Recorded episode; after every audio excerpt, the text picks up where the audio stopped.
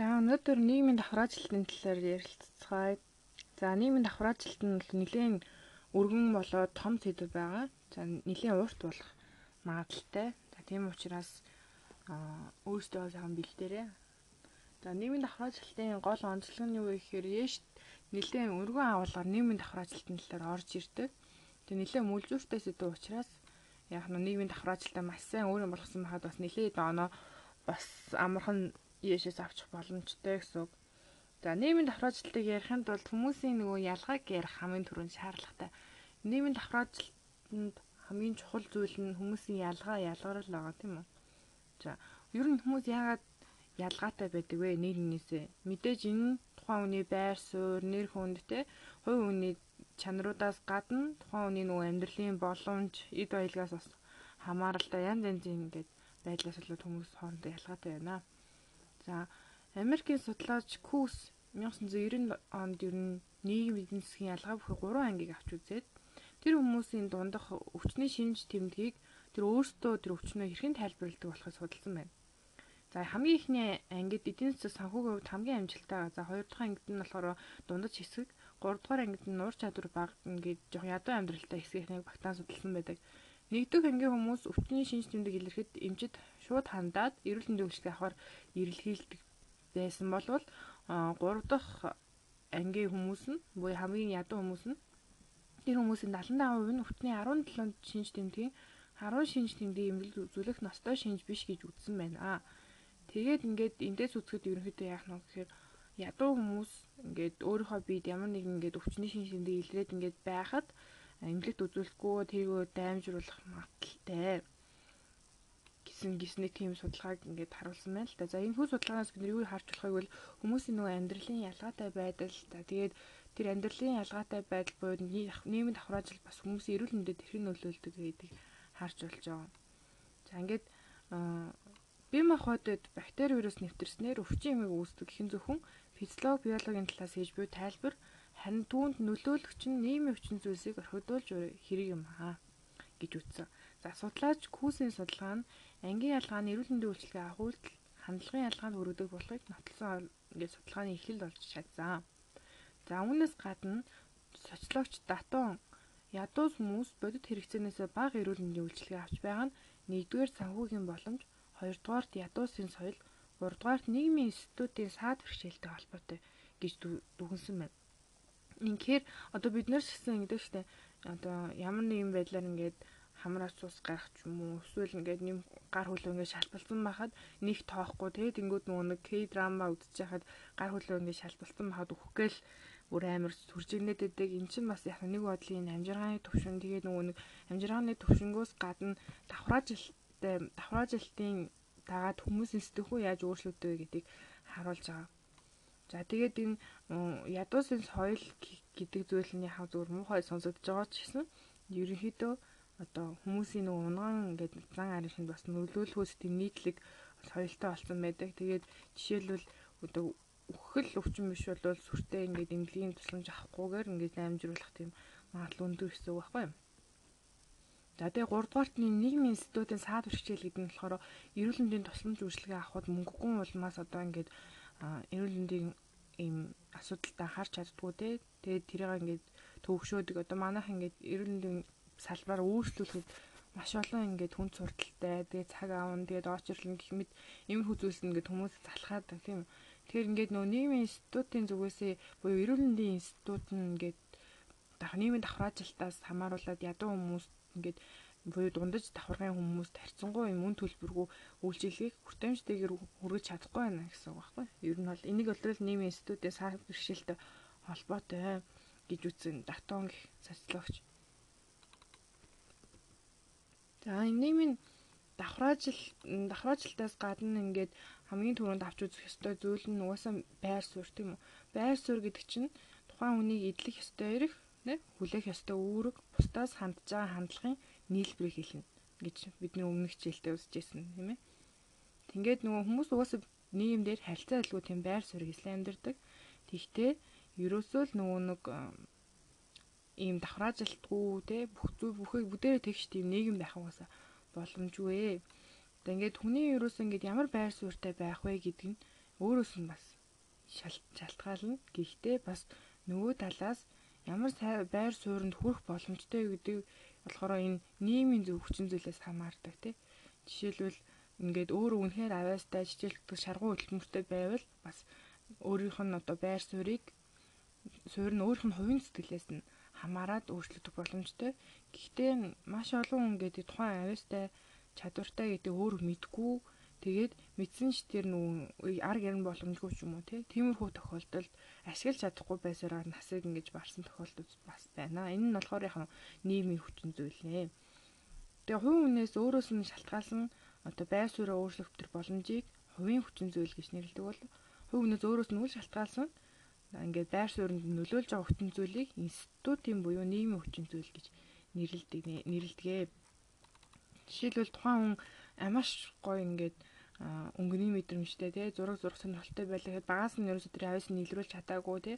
Тэгээ эсвэл нөгөө нэг тэр тухайн ингээд хүнд авьяаст хэрэгтэй хөгжүүлэхэд хэрэгтэй зүйлийг нь авч өгч чадаагүйгээс болоод тэр авьяас нь хөгжихгүй байсараагаад одоо унтарсан ч юм уу тиймэрхүү асуудлууд байвал энэ л нийгмийн өвчин зүйл институтын гэр бүлийн институтын одоо хамааралтай асуудал учраас нийгмийн өвчин зүйлс болох нэ.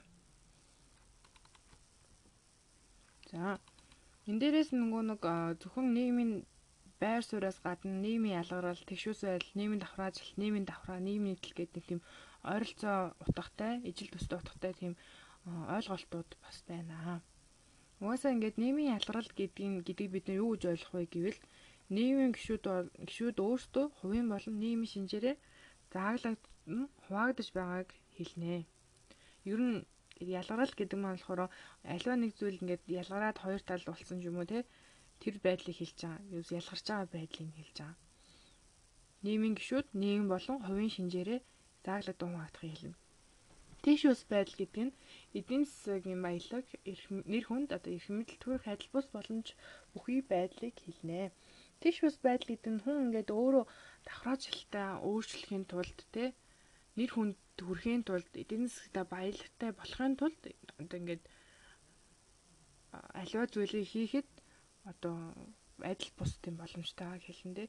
Жишээлбэл би ингээд хичнээн баян болохыг хүссэн ч гэсэн миний бүх юм ингээд нойлоос эхэлж хахад зарим хүнийх яах нь угаасаа л хөрөнгөтэй байсан хүн төрсөн төрхөөс эцэгхээс хөрөнгөө өвлөд авсан тийм амьдралаар хүссэн хүн бит хоёрын дунд ингээд ялгаатай шүү дээ. Тэр ялгааг нь тэгш ус байдал гэж нэрлэж байгаа.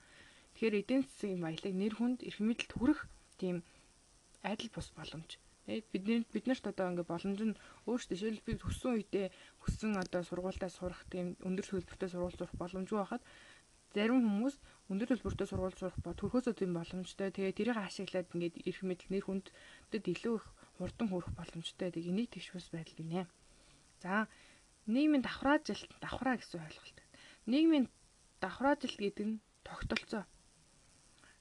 Тодорхой хэм шинжид харилцаа бүхий тогтолцоо Тэгш ус байдал ногтлцоод нийгмийн давхраачлалт нь том зүйл байна шүү дээ. Ерөөс нийгмийн бүхий л хүрийг хамаарсан.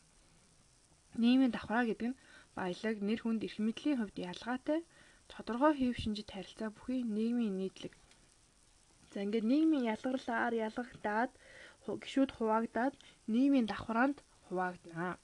Тэр ингээд нийгмийн давхраа нь болохоор яах нь нэр хүнд эрх мэдэлтэй тэр зүйлүүдээр хуваагдаад ялгарсан тийм нийгмийн нийтлэг өөртөө тодорхой нэг тийм хэв шинжтэй адилхан хүмүүсийг нэг ингээд давхраанд оруулаад хуваацсан байгаа ийм давхраа гэн. Тэр давхраанууд нийлээд нийгмийн давхраа ялгаатай давхраанууд нийлээд нийгмийн давхраажилтыг бүтээнэ. Нийгмийн нийтлэг гэсэн энэ ойлголт нь байна. Тэ энэ нийгмийн давхраан дээр харагдахад тодорхой хэв шинжтэй харилцаа бүхий нийгмийн нийтлэг гэж байна. Нийгмийн давхраа чинь. Тэгэхээр нийгмийн нийтлэг гэдэг нь ижил төстэй шинж бүхий хүн амын нийтлэг хэлнэ. Жишээлбэл бүгдээрээ одоо доогор орлоготой ч юм уу тэгвэл нийлээд жоохон доод одоо ангийнхан болно. Эсвэл бүгдээрээ ингээд боломжтой амжиргааны түвшнөөс нэлээд өндөр одоо боломжтой нэгэн баян хүмүүс нэг ижил төстэй шинжтэй тэднэр нь нийлээд яг нь дээд давхраг үрдүүлдэг ч юм уу. Энэ нь болохоор нийгэм нийтлэг гинэ. Тэгээ ингээд одоо хүмүүсийн хоорондын тэгшүүс байдлыг институтын хүчин зүйлтэй ингээ холбож авч үздэг. Тэрийг нь бас нийгмийн давхраажилт гэж тодорхойлдог тий. Өөсөө нийгмийн давхраажилт бол ерөөсөө нийгмийн асуудал тий. Институтын асуудал, бүтцийн асуудал байхгүй тий. Хүмүүсийн хоорондын тэгшүүс байдал ингээд байгаа угаасаа. Тэр байдлыг нь нийгмийн хүчин зүйлтэй, институтын хүчин зүйлтэй авч үзэх юм бол нийгмийн давхар ажилт гэсэн ойлголтыг социологч бас хэрэгэлдэг хэрэгэлдэг байна. Нийгмийн давхар ажилтны тэгшүүс байдал бэхжиж, тэгшүүс бүлгүүдийн хооронд тодорхой хэв шинж бүхий харилцаа бүрэлдэн тогтсны үр дүн юм аа. Угаасаа тэгшүүс байдал бий болцсон тий. Тэр нь ингээд бүр тогтцсон. Одоо шил баян үний хүүхэд баян байна, ядуу үний хүүхэд ядуу байна гэсэн ингээд тэгшүүс байдал нь ингээд боломж нь харилцаа ялгаагүй байдал ингээд тогтцсон. Тэгээ тэгшүүс бүлгүүдийн хооронд тодорхой хэв шинж бүхий харилцаа бүрэлдэн тогтчихсон. Жишээлбэл баян хүмүүс нь одоо ядуу хүмүүс ингээд гадуурхдаг ч юм уу. Тэгээ тухайн ингээд нийгмээс хамаарат янз янзын тийм хоорондын харилцаанд тогтоо тодорхой хэв шинж бүхий ингээд харилцаа бүрэлдэн тогтсны үр дүнд ингээд нийгмийн давхар ажилт бий болтгоо гэж үздсэн байна. Тэгээ ингээд зарим социологч болохоор нийгмийн гишүүдийн хоорондын тэгшвэс нөхцөл байдал нэг үеэс нөгөө үед залгамж залгамжлагдаж ингэж явсаар хагаад нийгмийн давхар ажил бүрэлдэн тогтдог гэж үзье. Тэдгээр бүлгүүдийн хооронд нэг бүтцийн ялгаа бүрэлдэн тогтсноо тодорхой юм маягийн давхар ажилтын тогтолцоо тогтолцоо бол төлөвшин тогтдог байна гэж үзсэн байна. Энэ болохоор бүхий л цаг үеийн туршид байгаа нийгэм давхар ажилтны талаар ярьж байна тийм үү? За нийгмийн давхар ажилт яагаад тогтдог вэ гэдэг дээр бас бидний сайн мэдэх нөгөө онлын хандлагууд бас өөрөөсөө гэсэн үсэл бодлоос илэрхийлж байжээ. Тэгээ хамгийн түрүүнд ингээд сонгодог онлын төлөөлөгчд болох Маркс болон Веберийг бид нэр авч үзнэ. Энэ хоёрыг бол сонгод нийгмийн давхар ажилтны талаарх сонгодог онлын төлөөлөгчд гэж нэрлэдэг. Тэг ингээд Маркс болохоор юу гэж үзсэн бэ гэхээр Марксийн одоо өөрсдийн хоноод бидний сайн мэддэг хамгийн одоо Ешд бас их орж ирдэг тийм бүтээлүүдийнх нь нэрсэн байна. Одоо капитал коммунист намын намын тунхаг гэдэг ингээд энэ хоёр бүтээлийг одоо Маркс Вебер бол Маркс бол бүтээсэн. Тэгээ энэгээр бол маш олон танигдсан юм байна. Тэгээ Маркс давхраачлалтын асуудлыг энэ хоёр бүтээл буюу капитал коммунист намын тухаг гэсэн хоёр бүтээлтэй давхраачлалтын асуудлыг хүндсэн байдаг. Түүний хэрэгрээс анги гэдэг бол үйлдвэрлэлийн хэрэгсэлтэй харилцах харилцаа. За энэ үйлдвэрлэлийн хэрэгсэлтэй харилцах харилцаа гэдэг нь болохоор өмчлөг харилцаа гэж байна. Түүнээс хамааруулан амьдрах нөхцлөө бүрдүүлэх аргаараа ялгаатай нийгмийн томоохон бүлэг юм аа. Анги гэсэн нэг ойлголтыг Маркс гаргаж ирсэн. Тэр анги болвол ерөөсөө нөгөө нэг зарим хүмүүстэй зарим хүмүүс нь ингээд дэлгүүртэй ч юм уу эсвэл үйлдвэртэй байдаг. Тэгэд зарим хүмүүс нь бол юу ч байхгүй. Тэгээд энэ үйлдвэрлэлийн хэрэгсэлтэй харилцаа харилцаа түнээс хамааруулан амьдрах нөхцлөө бүрдүүлэх аргаараа ялгаатай нийгмийн томоохон бүлэг. Тэгэл зарим хүмүүс нь дэлгүүртэй тэ дэлгүүрээ хүмүүст ажиллуулаад тэрнээс мөнгө олоод амьдарч хахад зарим хүмүүс нь ямар ч дэлгүүр авахгүй зүгээр хүний дэлгүүрт очиж ажиллаж тэ хөлсөө холдож ингэж амьдрах арга нь өөр өөр байна тэ. Энэ амьдрах аргаараа ялгаатай нийгмийн тоон бүлэг бол анги юм аа гэж Маркс утсан. За энэ дээр юу гэж хэлсэн мэй гэвэл капиталист нийгэм, капиталист нийгэм бол арьсан нийгэм ээ. Тэ одоогийн хөрөнгөтний нийгэм. Капиталист нийгэмд үйлдвэрлэлийн эрсдлийг өмчлөгч капиталист амь зуухын төлөө хөдөлмөрөө капиталистууд зарж буй ажилчин гэсэн үндсэн хоёр том анги. За тэгээ шилжилтийн буюу завсрын бусад анги оршин тогтнодоо гэж байна. Ингээд нэг гурван ингээд юм анги байх нь шүү дээ. Өмчлөгч капиталист буюу одоо үйлдвэрийн эзэн, дэлгүүрийн эзэн гэх мэт баян хүмүүс нь тий. Амь зууханд бол тэр капиталистуудад хөдөлмөрөө зарж буй ажилчин анги тий. Тухайн ингээд дэлгүүрт нь ажилтдаг, эсвэл үйлдвэрт нь ажилтдаг тий. Тухайн хүний доор ингээд ажилтдаг ажилчин ангиуд байх нь. За тэгээд тэр хоёрын дунд байдаг шилжилтийн буюу завсрын бусад анги оршин байдаг. А ерөөхдөө нэг хоёр том ангитай дунд нь нэг завсрын буюу шилжилтийн ангитай гэсэн үг. За капиталистууд өөрийн өмч болох үйлдвэрлэлийн хэрэгсэл дээрээ ажилчдыг хөлснөө ажилуулж баялагийг бүтээгдэг бөгөөд тэрхүү баялагын ихэнх хувийг өөртөө үлдээж харин ажилчдад өчүүхэн хувийг нь хөдөлмөрийн үйлс нэрийн дор өгөх замаар мүлждэг юм үзбээ. Өнгөөс нь мэдээж жишээлбэл тухайн хүн ингээд эд түүхийн эдийн нэг 100 төгрөгөөр аваад ямар нэгэн бүтээгдэхүүний За тэгээд ажилчинд нэг за нэг бүтээгдэхүүнээс нэг 20 төгрөг өгье 120 төгрөгийн өртөгтэй нэг бүтээгдэхүүнийг үйлдвэрлэчихэд тэрийг зарахтаа 500-аар зардаг ч юм уу. Тэгээд эндээс ингээд бүх ингээд ашгийг өөртөө авдаг. Тэгээд нөгөө ажилчин бүх юмыг хийж байгаа мөртлөө маш жижиг хөлсийг аваад өөрийнхөө хөлсийг ингээд хөлмөрийг мүлжүүлдэг гэж үтсэн байгаа байхгүй юу. Тэгээд ангийн ялгаа нь ашиг сонирхлын ялгаанд хүргэдэг ээ. За ингээд энэ ингээд явсан юм явсаар ангийн зөрчил төрөгдөг. Тэгээ энэ ангийн зөрчил нь өөрөө нийгмийн өөрчлөлтийг хөдөлгөж өгч болдог буюу ингээд хувьсгалт хүргэнэ.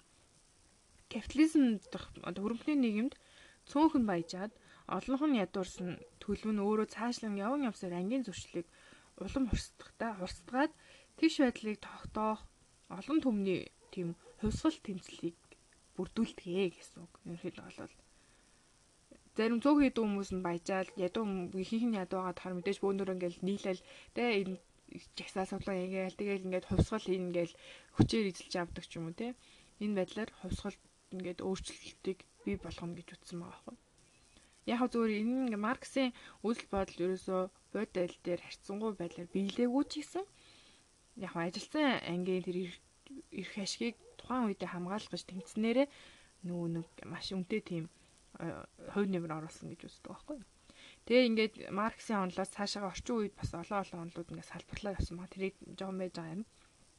Дараагийн одоо сонгодог давхраачлалт онлын төлөөлөгч бол Weber. За Weber нь өөрөө анги статус нам гэсэн бүтээл гаргасан. За тэрхүү бүтээлдээ Weber давхраачлалтын асуудал хүндсэн. Гэтэ ингээ яг юу ч хүндсэн мэй гэхээр Маркс бол ангийн ялгааг болохоор өмчөөр өмчөөс олж анги ингээ ялгаатай байдаг аа гэдгийг авч үзсэн болвол Вебер бол өмчөөс гадна орлого, эрхэлжүү ажил мэргэжил гэсэн одоо эдийн засгийн бусад хүчин зүйлийг илүү чухалчл үзсэн байдаг байхгүй. Энэ бол зөвхөн өмчийн ингээд эд баялагын ялгаа өмчийн ялгаа биш ээ. Тэ? Өөрт юу байгаа ялгаа биш.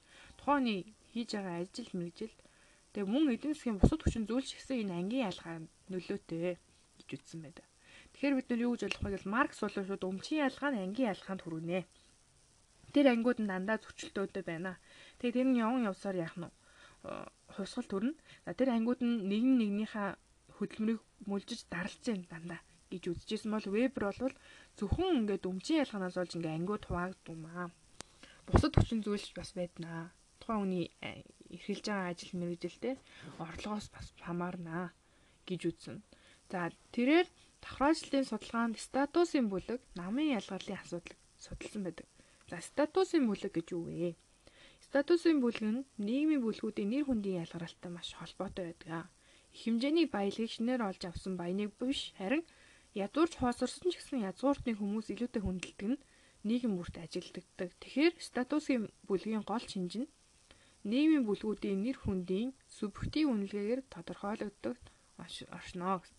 Статусын бүлэг гэдэг маань болохоор яг тухайн хүнд ингээ статус гэдэг чинь байр суурь гэсэн үг шүү дээ, тий? Байр суурийн бүлэг гэсэн.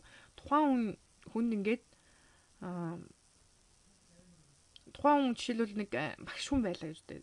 За одоо багшийн нэр хүн ч муу байгаа ч гэсэн өнгөрсөн үед бас сайн байсан тийм үү. Багшийн ингээд нэр хүнд маш сайн байх үед тухайн хүн болвол яагаад хүнлэгдэж олон хүнд ингээ хүнлэгдэжсэн гэж бодъё л доо. Тэр хүн багш. Тэгэд яагаад олон хүнд ингээ хүнлэгдэжсэн гол шалтгаан нь тухайн хүний статусын бүлэг буюу багш гэсэн бүлэг нь ингээд нийгэмд маш ингээд хүндлэгдэл хүлээсэн те бусад хүмүүсийн хүндлэлийг ингээ хүлээсэн байсан учраас тэр хүн одоо ямар ч ядуу байсан хамаагүй багш гэдэг утгаар нь маш их хүндэлдэг байлаа. За энэ бол статусын бүлгийн гол онцлог байна. Чи ямар бүлэгт байгаагаараа тэ тухайн бүлэгт бусад нийгмийн бүлгүүд хэр хүндэтгэл үзүүлж байгаа яаж хандж байгаа нь чиний нэр хүнд ингээд дээшээ байна уу доошоо байна уу гэдэг чинь шалтгаална гэсэн үг. Нэг хүн өхрийн ивэр дойрвол мянган өхрийн ивэр дойрно гэдэг шиг дээшээ доошоо ингээд давхраажилт нь өөрчлөгдөх боломжтой гэсэн үг аахгүй. Ер нь бол. За үүний дараа бас нэг статусын бүлгээс гадна нам гэсэн ойлголт байна. Веберийн одоо энэ анги бий болоход. За нам нь өөрөө ашиг сонирхлоороо ялгаатай бүлэг хүмүүс байна. Тэр бүлэг хүмүүс нь ингээ эрх мэдлээрээ бусад хүмүүсээс ялгаатай. За нийгмийн зөрчлөн зөвхөн ангийн ялгаанаас гадна шашин үзэл суртал ихтгэл үнэмшил зэрэгс чамаардаг. Тэгээ нийгмийн зөрчил бол ерөөсөө төгсгөлгүй байн ингээд зөрчилж яадаг тий. Тэгээ ингээд нам нь нам нь бас ингээд нийгмийн давхраажилтанд нөлөөлөл нөлөөлдгөө. Намаас нам нь ингээд эрх мэдэл төрхийн тулд тий өөрсдийн гэсэн ингээд нэр хүндтэй тий ингээд юм бүлэг бүлэг хүмүүс шүү дээ. Тэр намд ингээд жилсээд бас ангиа ингээд жуулчлах боломжтой гэх мэт юм ойлголтуудыг бас гаргаж ирсэн байна. Вебрийн ойлгосноор ерөөсөө Марксаас ялгаатай юм юу гэвэл зөрчил бодвол зөндөө ингээд зүйл дээр байдгаа. Тэ зөвхөн ангийн ялгаанаас гадна шашин шүтлэг тэ өсөл суртал итгэл үншил зэрэгс чамаардаг. Тэгээ ерөөсөө хизээч ингэж төгсгөлгүй ингэж байн үргэлжлээд зөрчлөл хизээ зөрчлгүй байна гэж байхгүй.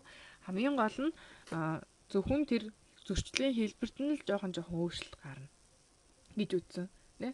Түүний үдэл санаанд давхраачлалтын талаарх бүтэц шигүүргийн онол зөрчлөөний онол зэрэг орчин үеийн онлын хандлага бүрлэн дотоод ихээхэн үүрэг гүйцэтгэсэн байна.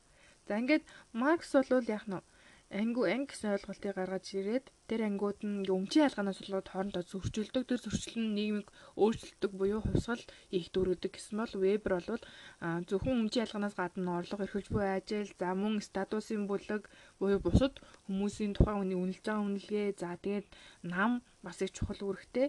За харин ангиудын хоорондоо зөрчил нь зөвхөн ингээд өмчийн ялгаанаас гадна өмчийн болон тэр ангийн ялгаанаас гадна шашин шүтлэг үзэл бодол тэгээ итгэл үнэмшил зэрэгс ч гэсэн хамаарна гэж үзснээрээ онцлогтой байх нэ. За ангийн сонгогддог үеийн хоёр төлөөлөгчийн талаар авч үзлээ. За одоо нийгмийн давхар ажилтыг орчин үеийн нийгмийн давхар ажилтыг хэрхэн судалж байгаа талаар буюу орчин үеийн нийгмийн давхар ажилтын онолууд. За Марксийн онолоос урган гарч ирсэн ингээ хоёр ерөнхий ингээ хоёр онол байна. Тухайн хоёр онолын зөрчилдөөний онол буюу шүүмжлэлт онол гэж нэрлэдэг. Хоёр онол байна. За энэ хүн онол нь бол Марксийн одоо гол үзэл санаан дээр ингэж орчин үеийн нийгэм тохируулаад жоохон жоохон өөрчлөлт хийгээд ингээд цааш нь хөгжүүлж явсан хоёр онол. За зөрчилдөөний онол нь Марксийн ангийн ялгаа нь ашиг сонирхлын ялгаа улмаар зөрчил хүргэдэг гэсэн санаанд тулгуурладаг ч гэсэн ангийн ялгарлыг өмчин гэхээсээ эрх мэдлийн ялгаатай түлхүү холбон авч үзсэн. Өөсөө анги бол байдаг. Анги нь ингээд ашиг сонирхлоосоо болоод тий зөрчил төрдөг гэсэн тийм санааг санааг ингэж авч үзсэн ч гэсэн тэр ингээд ангийн ангийн ялгаа нь өөрөө өмчин гэхээс илүү эрх мэдлийн ялгаанаас болоод илүү их ингээд ялгардаг аа гэж үзсэн. Ашиг сонирхлын ялгаа нь зохион байгуулагдсан шинж тий эрх мэдлийн одоо бүтцэд тусгалаа олдог. Энэ бол нөө бюрократ байгууллага буюу улс төрийн байгууллагын талаар тал дээр ингэж ашиг сонирхлын ялгаа нь илүү их гарч ирдэг. За ингээд прокурор байгууллага бол мэдээ бидэд нэг бахан тайлбар өгсөн тийм үү? Орчин үеийн нийгэм прокурор байгууллагад их мэдл ажилтнуудад тэгш бусаар хуваарлагдсан байдаг нь ноёрхогч хийгээд дагагч гэсэн хоёр ангид хуваагдахад хүргэнэ. Байгууллагууд хувь хүмүүс материалыг урамшуул авах, эрх чөлөөтэй байх, нэр хүндтэй байх, чөлөө цаг ихтэй байх зэрэг олон янзын ашиг сонирхолтой байдаг. Харин тэрхүү ашиг сонирхлоо хэрэгжүүлж чадах хэсэг нь тэр хүн эрх мэдэлд хүрч чадаж буй үсгээс хамаарна.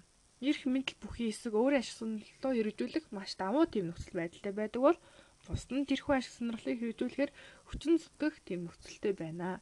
Жишээлбэл байгууллагын дарга ч юм уу те томоохон албан тушаалтай байх тусмаа өөрийнхөө дураар одоо ингээд амардах те илүү эрхчлөөтэй байдаг. Хамгийн гол нь чи ингээд эрхчлөөтэй баймаар байвал те нэр хүндтэй баймаар байвал чөлөө загталтай баймаар те имлүү цалин амаар байвал яах нь тухайн ямар нэгэн байгууллага ч юм уу ажиллаж байгаа газараа илүү их эрх мэдэлтэй байх ёстой. Эрх мэдэлд хүрч чадах юм бол эдгээр бүгдийг чи бусдаас илүү их авна харин эрх мэдэлд хүрч чадахгүй бол чи өөр хүмүүсийн яах нь тэр сайхан сайхан зүйлүүдийг идэх тэр байдалд нь хүрэхийн тулд өөрөө ажиллах ёстой гэсэн тийм онолыг гаргаж ирснээр онцлогтой ахна шүү дээ. Тэгэхээр ингээ прокурор байгууллага болгон улс төрийн тийм байгууллагуудад эрх мэдлийн шинжтэй тийм ялгаанаас болоод хүмүүс ийм олон төрлийн ийм ангид яах нь хуваагддаг. Тэр нь бол даагч ноёрхогч болон даагч гэсэн ийм хоёр ангид хуваагдт хүрнэ гэсэн үг. За харин шүүмжлэлт онлынхан буюу неомарксистууд нео гэдэг чинь шин тий шин марксистууд гэсэн үг. Неомарксистууд буюу шүүмжлэлт онлынхан Марксийн санааг Веберийн үзэл баримтлалаар засах тийм орлого хийсэн бөгөөд өмчөөс гадна эрх мэдлийн ялгарлыг бас чухалчилдаг зөрчлөний олдож он төстэй байна тийм үү. Тэд нь олохороо төр болвол ноёрогч анги эрх ашигыг хэрэгжүүлж байдаг гэж утсан. Марксийн үзэл санаанд тулгуурлаад Веберийн үзэл санааг харгалзан нийгмийн давхраажилтыг судалсан энэ шүүмжлэлт онлын судлаач бол Райт юм. За тэр Райт юу гэж үзсэн бэ гэвэл Марксийн үйлдвэрлэлийн хэрэгсэлтэй харилцах харилцаа буюу өмчийн ялгарлыг чухалчилаад за үйлдвэрлэлийн харилцаанд дах Веберийн хянах эрх мэдлээ мэдлэр үзүүл одоо ингээд баяжуулаад судалсан байдаг.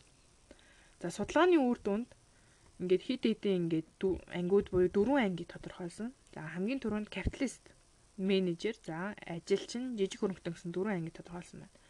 За капиталист гэдэг нь өөрөө үйлдвэрлэлийн хэрэгслийг өмжилж байгаа, бусдын хөдөлмөрийг хөөсөлж байгаа, бусдын хөдөлмөрийн үйл ажиллагааг хянагч хянаж байгаа тэр хүнийг хэлнэ. За үйлдвэрийн эзэн, тэ компани захирал юм уу тэ тэр хүмүүсийг капиталист гэж хэлнэ хөрөнгөтөн. Менежер гэдэг нь өөрийн хөдөлмөрөө борлуулад капиталистуудын төлөө бусдын хөдөлмөрийн үйл ажиллагааг хяндаг тэ. Өөрөө бас тухайн капиталистад ажилдаг, хөдөлмөрөө тухайн капиталистад ингэ борлуулдаг. Гэхдээ капиталистуудын төлөө бусад хүмүүсийн хөдөлмөрийн үйл ажиллагааг хяндаг. Жишээлбэл компани менежер яадаг үлээ өөр ингээд дээрээ захиралтай. Тэгээ доодох хүмүүсээс ингэж хянаж ажлыг нь хяндаг шүү дээ, тий? Тэрийг хэлээд байгаа. За ажилчин гэдэг нь өөрийн хөдөлмөрөө капиталистуудад борлуулагч хянах эрх мэдэл байхгүй анги гэдэг. А ямар ч эрх мэдэлгүй зөөр ингээл ажлаа ингээл явж идэх гэсэн. Харин жижиг хөрөнгөт нь өөрийн үйлдвэрлэлийн хэрэгслийг өмчлөлтөө анги юм. Харин цөөн ажилтнтай за ажилтан хөслөх бас боломжгүй тийм хүмүүс аж болно тийм үү. Тэгээд цөөн ажилтнтай тохиолдолд тэдний хөдөлмөрийн үйл ажиллагаанд хяналт тавьдаг эсвэл ажилтангуу тохиолдолд хяналт тавих эрх мэдлгүй анги хэмээн үзээ. Зарим нь болохоор ингээд өөрөө ингээд жижигэн эртэн гурлын үйлдвэртэй ч юм уу тэр үйлдвэрээ өөрөө ингээд ажиллаад өөрөө ажиллаад бүх юмаа хийгээ явдаг хүмүүс байдаг шүү дээ. Тэр нь болохоор ингээд зарим тохиолдолд ямар ч тийм өөрөө л ажилдаг бол хин нэгэнд хяналт тавих эрх мэдлгүй. Гэхдээ бас цөөхөн ажилтнтай тохиолдолд нь 2 3 ажилтнтай хяналт тавиад явдаг хүмүүсийг жижиг хөрөнгөтөн гэдэг нь тусдаа ингээд үйлдвэртэй тэгээ жижигхэн дээр нь хүмүүс хэлдэг байна. За ингээд Марксийн үзэл намнаас урган гарсан зөрчилдөөний онд болон шүүмжлэлт онолын талаар дууслаа. За бүтцийн үүргийн онол буюу энэ Веберийн үзлээс урган гарсан онол За бүтцийн үүргийн онолын хандлагын төлөөлөгчд нь Дүркэм зэрэг ингээд төлөөлөгчдөг те Парсонс за Муур, Дэвис ба Муур те. За эдгээр ингээд төлөөлөгчд өөр өөр ингэсэн тийм саналаа өргүүлсэн байна. За Дүркэм юу гэж үздэн бэ гэвэл анханасаа нэр хүнд ажил мэргэжлийн байр суурийн ялгарлыг нийгмийн давхар ажилтны суур шалтгаан гэж үзээд үздэг бөгөөд за хөдөлмөрийн хувьд нийгмийн зохион байгуулалтын үндэс болгон зэрэгцээ тэгшүүс байдал хүргэх үндсэн шалтгаан гэж үзсэн байна. Ерөөсөө л хүн ингээд нийгмийн ялгарл ингээд гарахтаа нэр хүнд ажил мэргэжлийн байр сууриас хамаарал хүн ингээд нийгмийн ялгарл гараад нийгмийн давхраанууд дуваагдаад тэр нь нийгмийн давхар ажил болтгоо гэж үзсэн байгаа байхгүй юу? За тэгээд хамгийн гол нь хөдөлмөрийн хуваар буюу хин юу хийж байна вэ? Тэ? гэдгийг нь болохоор нийгмийн нийгмийн зохион байгуулалтын үндэс нь болдог. Тэгээ тэр нь ингээд тэгшүүс байдал хүргэдэг гэсэн үслийг Дүркэм гаргасан байна. Тэ? Хөдөлмөрийн хуваар бол нийгэм зохион байгуулалтын үндэс тэгээд тэгшүүс байдал хүргэнэ. Хүргэнэ. Чи багш уу, эмч үү гэдэг чинь чиний ямар нийгмийн одоо давхраанд хамаарагдах вэ гэдгийг тодорхойлно гэсэн үг. Тэр ингээд хөдөлмөрийн хуваар нарийнсахын хэрэгээр нийгмийн давхар ажилд бас нарийсаад яг нь нийгмийн тэгшүүс байдал бий болсон гэж үзсэн байна. Парсонс юу гэж үзсэн бэ гэвэл тухайн нийгэм зохиолж байгаа үнэлэмжийн дагуу хүмүүс бусад хүмүүсээрээ үнэлэгдэж зэрэглэгдэж байдаг аа.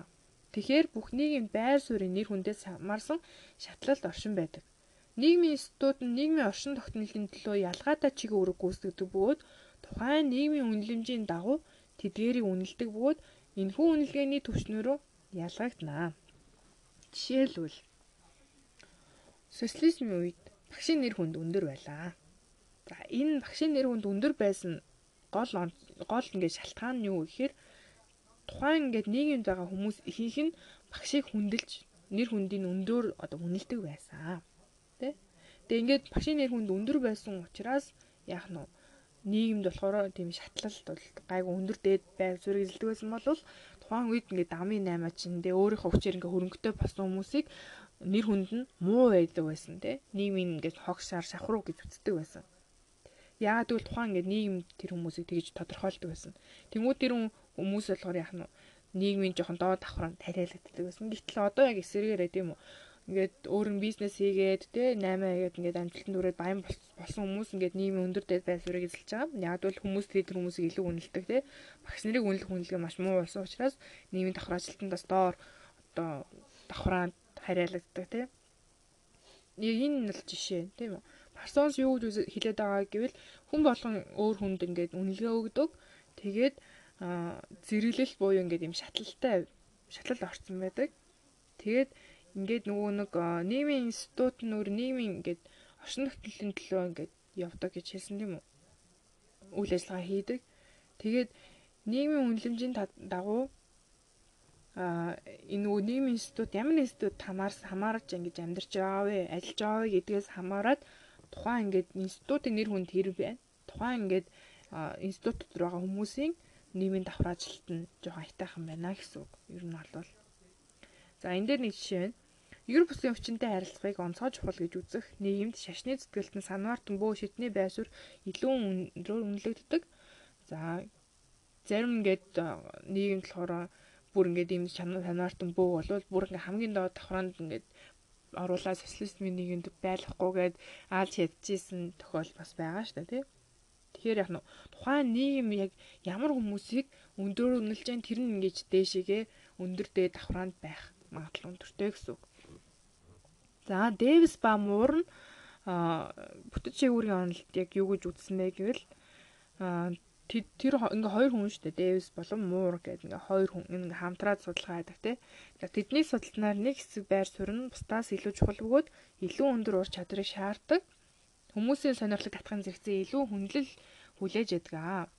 Тухайн нийгэмд одоо илүү нарийн ур чадвар шаардсан хөдөлмөрийн нийлүүлэлт бага тохиолдолд хөдөлмөрийн зах зээл илүү өндөр үнэлдэг. Жишээлбэл инженер ч юм уу за тэгээд илүү ур чадвар шаардсан том том ингээ эрдэмтэд маш ховор байдаг те маш сайн эрдэмтэд ховор гэдэг тэр эрдэмтэд болохоор яг нь маш тийм өндөр ингээд нарийн уур чадвар шаардсан учраас яг нь тухайн нийгэм маш өндөр ингээд нэр хүндтэй байна тэ олонний хүндэтгэлийг хүлээн тэр ингээд тухайн нэг ямар нэгэн ажил мэргэжлээс тухайн нийгэмд ингээд маш цөөхөн тоотой байх тохиолдолд илүү өндрөөр хөдөлмөрийг ингээ үнэлдэг гэсэн үг байхгүй юу? Ер нь бол за энэ Warner гэдэг нэг хүн байгаа. За энэ Warner гэдэг хүн маань юу гэж үзсэн бэ гэвэл энэ бол Еш 2020 оны Ешд орж ирсэн асуулт байсан тий. Бүтэц өвөрөн онлын үүднээс Янки хотыг судалсан. За энэ бол Америк хот тий. Янки хотын нийгмийн давхар ажилтыг судалсан энэ Warner гэдэг хүн. Тэрээр хувь хүний ангийн харьяаллыг эдийн засгийн үзүүлэлтээр хэмжих бус харин бусад хүмүүсийн зүгээс үнэлэх нэр хүндийн объектив үнэлгийн хүндлэлээр хэмжих загварыг тийм боловсруулсан байна. Тодруулбал энэ ямар загвар вэ гэхээр дэлгүүрийн эзэн эмчийг нэр хүндээ өөрөөсөө илүү гэж үзвэл түүнийг дэлгүүрийн эзнээс дээд ангил оруулж судална. За энэхүү аргачлалыг цөөн хүн амт орон нутагт ашиглаж болох ч томоохон хоцорны ашиглах хүндрэлтэй. Ажил мэргэжлийн нэр хүндийг тодорхойлохдоо объектив шалгуурыг ашиглаад бас нэг өөр нэг судлаач буюу дуунхан нийгэм эдийн засгийн индексийн аргыг боловсруулсан.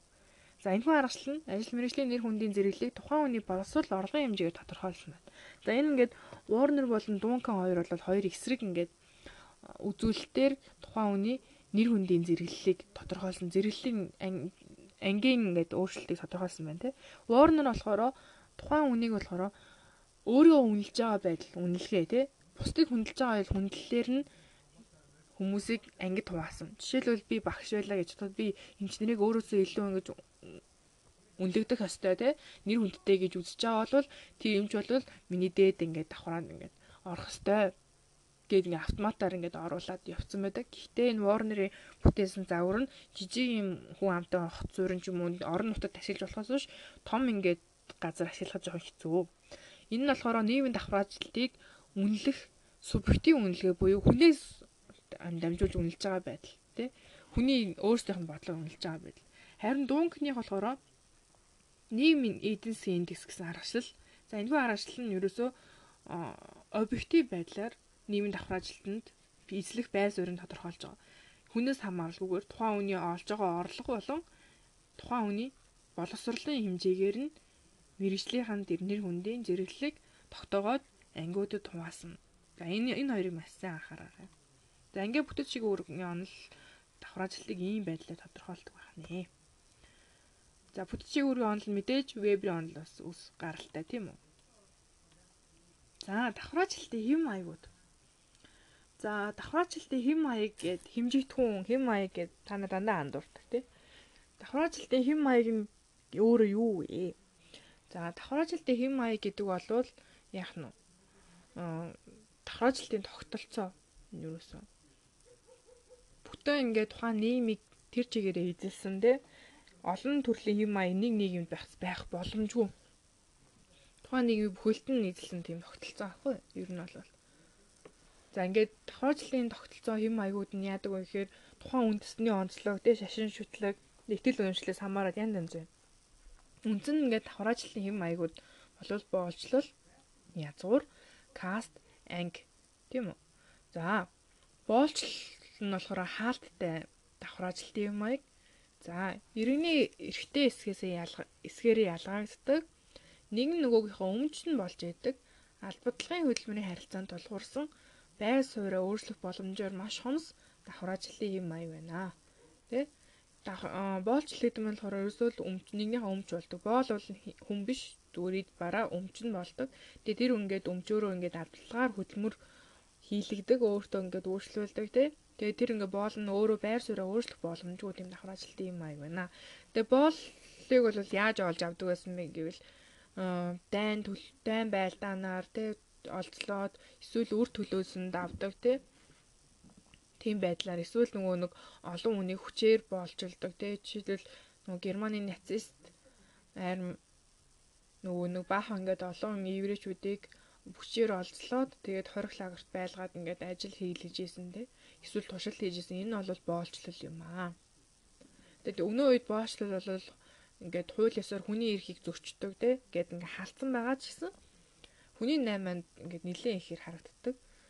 Тэр хүнийг ингээд аваад одоо хууль бусаар авч хулгайлаад тэгээд хүний найманд явуулаад тэгээд хөдөлмөрийн хүчээр хийлгээд мөрт мөнгө нөхгүй тэгээд тэр үнийг хааш нь явуулахгүй тэгээд амьдруулж байгаа байдал нь бол даалт хэлбэртэй оршин байгаа гэж үздэг нөө үед.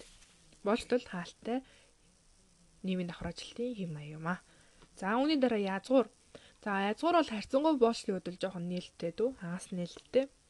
За энэ нь улс төрийн үйл ажиллагаанд оролцох ирэхээр ялгаатай. Зүйн үед баталгаажсан хаалттай давхраачлалтын хэм маяг гэж үздэг. За энэ давхраачлалтын тогтолцооны үед нийгэм дэслэг байр суурь нь угсаа залгамжлах замаар олгогддог. Онцлогтой давхраа харгалзахгүйгээр гэрлэх нь харьцангуй нээлттэй мөн онцгой гавья байгуулах эсвэл хэрэгм зэргийг хөдөлж авах замаар байр суурь өөрчлөх боломжтой онцлогтой. Тэгээ ингээд дунд цууны үед оршин байсан бөгөөд улс орнууд өөр өөр онцлогтойгоор оршин байсан.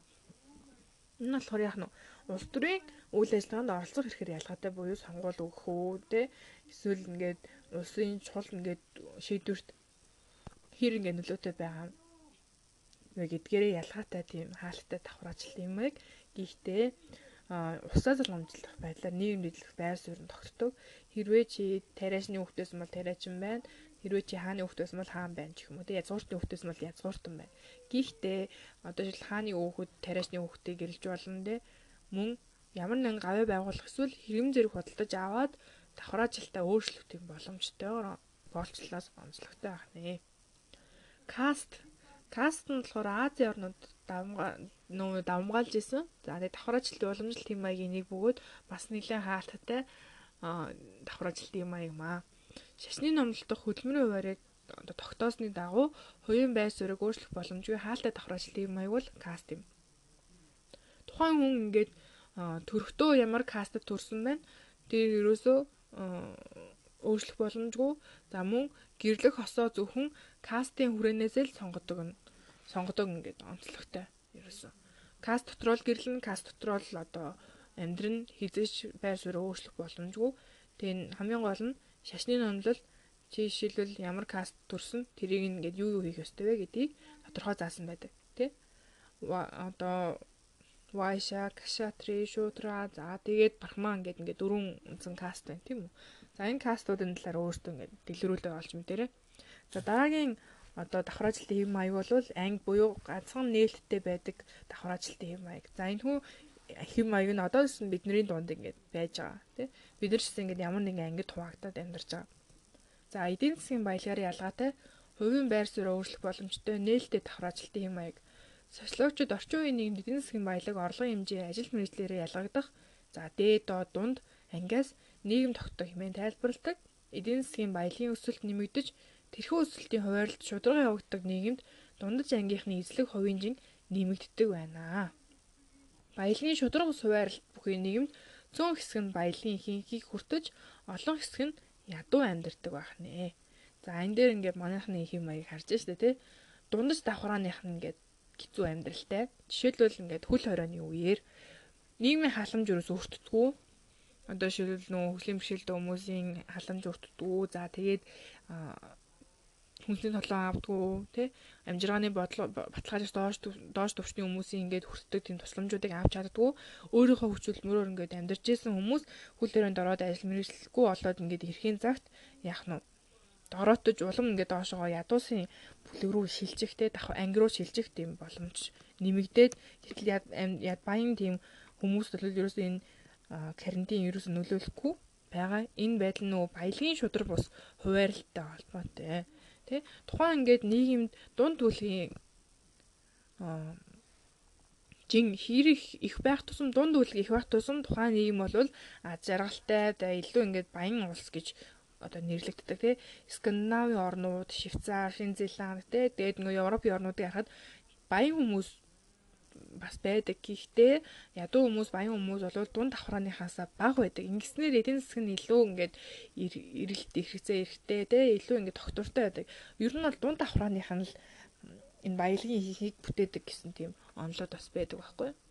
Баян өмнө ядуу хүмүүсээс илүү ядуу хүмүүс нь яг нь олигтой хөдөлмөр хийж чаддгүй эхэлдэггүй тэгээд нийгмийн дээр халамжаар амьдардаг баян хүмүүснээс яг нь бас нийгэмд очиж байгаа тэр татвараар бас амьдардаг. Тэр ингээд хамгийн гол хөдөлмөрлөж байгаа хүмүүс бол дунд давхрааныхан гэж бас үздэг байх нэ.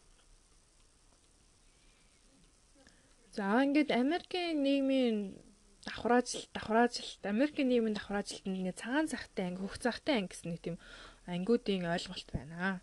За цагаан цагтай анги гэдэг нь өөрөө юу вэ гэвэл мэдээж ингээд цагаан цам цөмсөд явдаг гэдэг утгаар утгаараа цагаан цагтай анги гэж анх нэрлэгдсэн байдаг.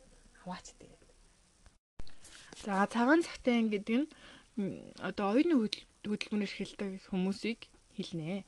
За өмнөд удирдлага, менежер, мэрэгчлэн туслах, гүйцэтгэх техникийн түвшний оюуны хөдөлмөр эрхлэгчид бүгд багтдаг бол хөх цагтай анги гэдэг нь болохоор биеийн хөдөлмөр эрхэлдэг ангийг хэлнэ.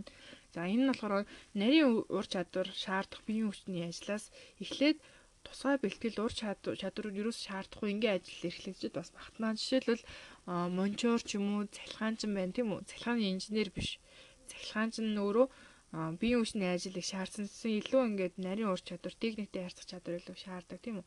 Эсвэл зүгээр нөгөө нэг гүрүү шиг ч юм уу те одоо зах дээр ажиллаад юм зөөдөг те. Ямар нэг нарийн ур чадварыг шаарддаг, биеийн хүч шаарддаг ажил хийдэг хүмүүс бүх захтай ингээд хамаардаг байсан байна. За анги гэдэг нь өөрөө бид нэр сайн мэдж байгаа те. Маркс ингээд тодорхойлсон. Гэхдээ ангийн үндсэн тодорхойлолт нь өөрөө эдийн засгийн байдлаар ялгаатай. Хувийн байр суурь өөрчлөх боломжтой нээлттэй давхраажилтын маяг за нөгөө талаас орчин үеийн нийгэм давхраажилтыг бүрдүүлдэг эдийн баялаг нэр хүнд эрх мэдлэрээ ялгаатай нийгмийн давхраа юм аа анги гэдэг нь өөрөө. За энэ тодорхойлтыг шийдлээрэй.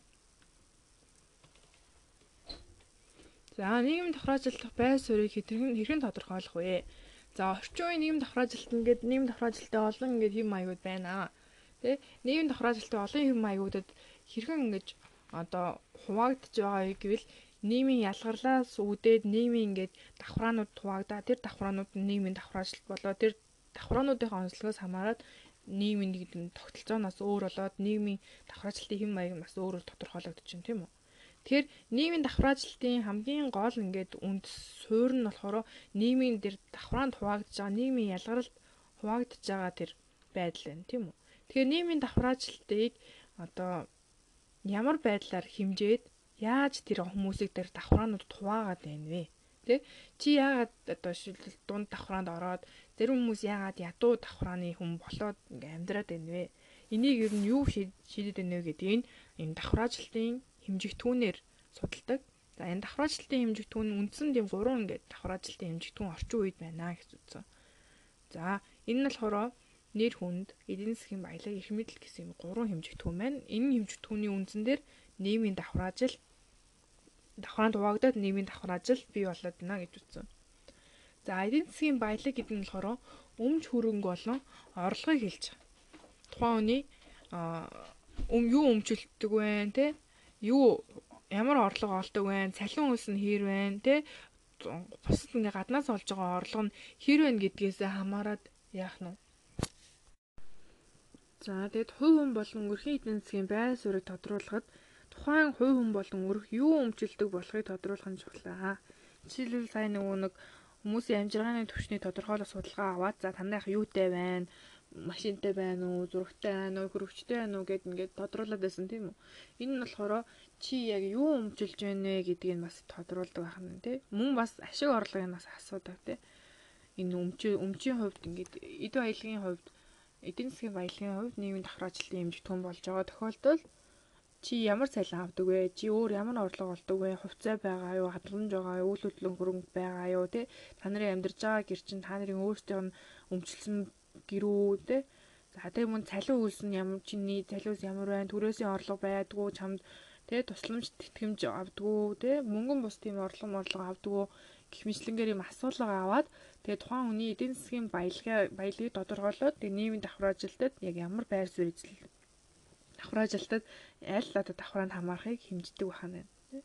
За ингээд ер нь бол эд баялагтай, эдийн засгийн баялаг сайтай хөрөнгө мөнгөтэй хүн олонний танил болоод бус хүмүүсийн хүндэтгэлийг хүлээдэг байх магадлалтай гэж ерөөдөө судлаачид үздэг байна. Жишээлбэл ингээд одоо маа Батулга юм хэлж байна тийм үү. Анаасаа ерөөсөө олонний танил нэг тийм хүн байгаагүй. Тэгээд яг нь өөрийнхөө хүчээр ингэж бизнес эрхлээд мөнгөтэй болоод тэрүүгээр ингэж юм хийгээд олонний танил илүү болсон байх нь бизнесмен ер нь бол томоохон хэмжээний. За үүний дараа нэр хүнд байна.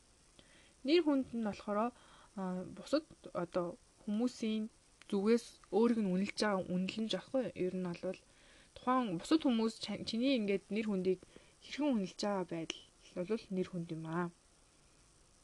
За ерөөсөө чи ингээд хичнээн өөр баялагтай тий нэр хүнд нэр баялагтай тэгээд ингээд өмч өмч ихтэй орлого ихтэй цалин ихтэй байсан ч гэсэн нийгэмд нэр хүнд сайтай байна гэсэн үг биш яг хөө зүгээр бусад хүмүүс чамайг хэр үнэлж байгаа вэ гэдг нь нэр хүндээс хамаарна. Нэр хүн сайтай хүн бол нийгмийн давхар ажилтнанд бол өндөр байр суурь эзэлдэг гэж бас үздэг байхгүй юу. Энэ бол нэр хүнд гэдэг нь өөрөө ажил мэргэжлийн нэр хүндийн үнэлгээ орно.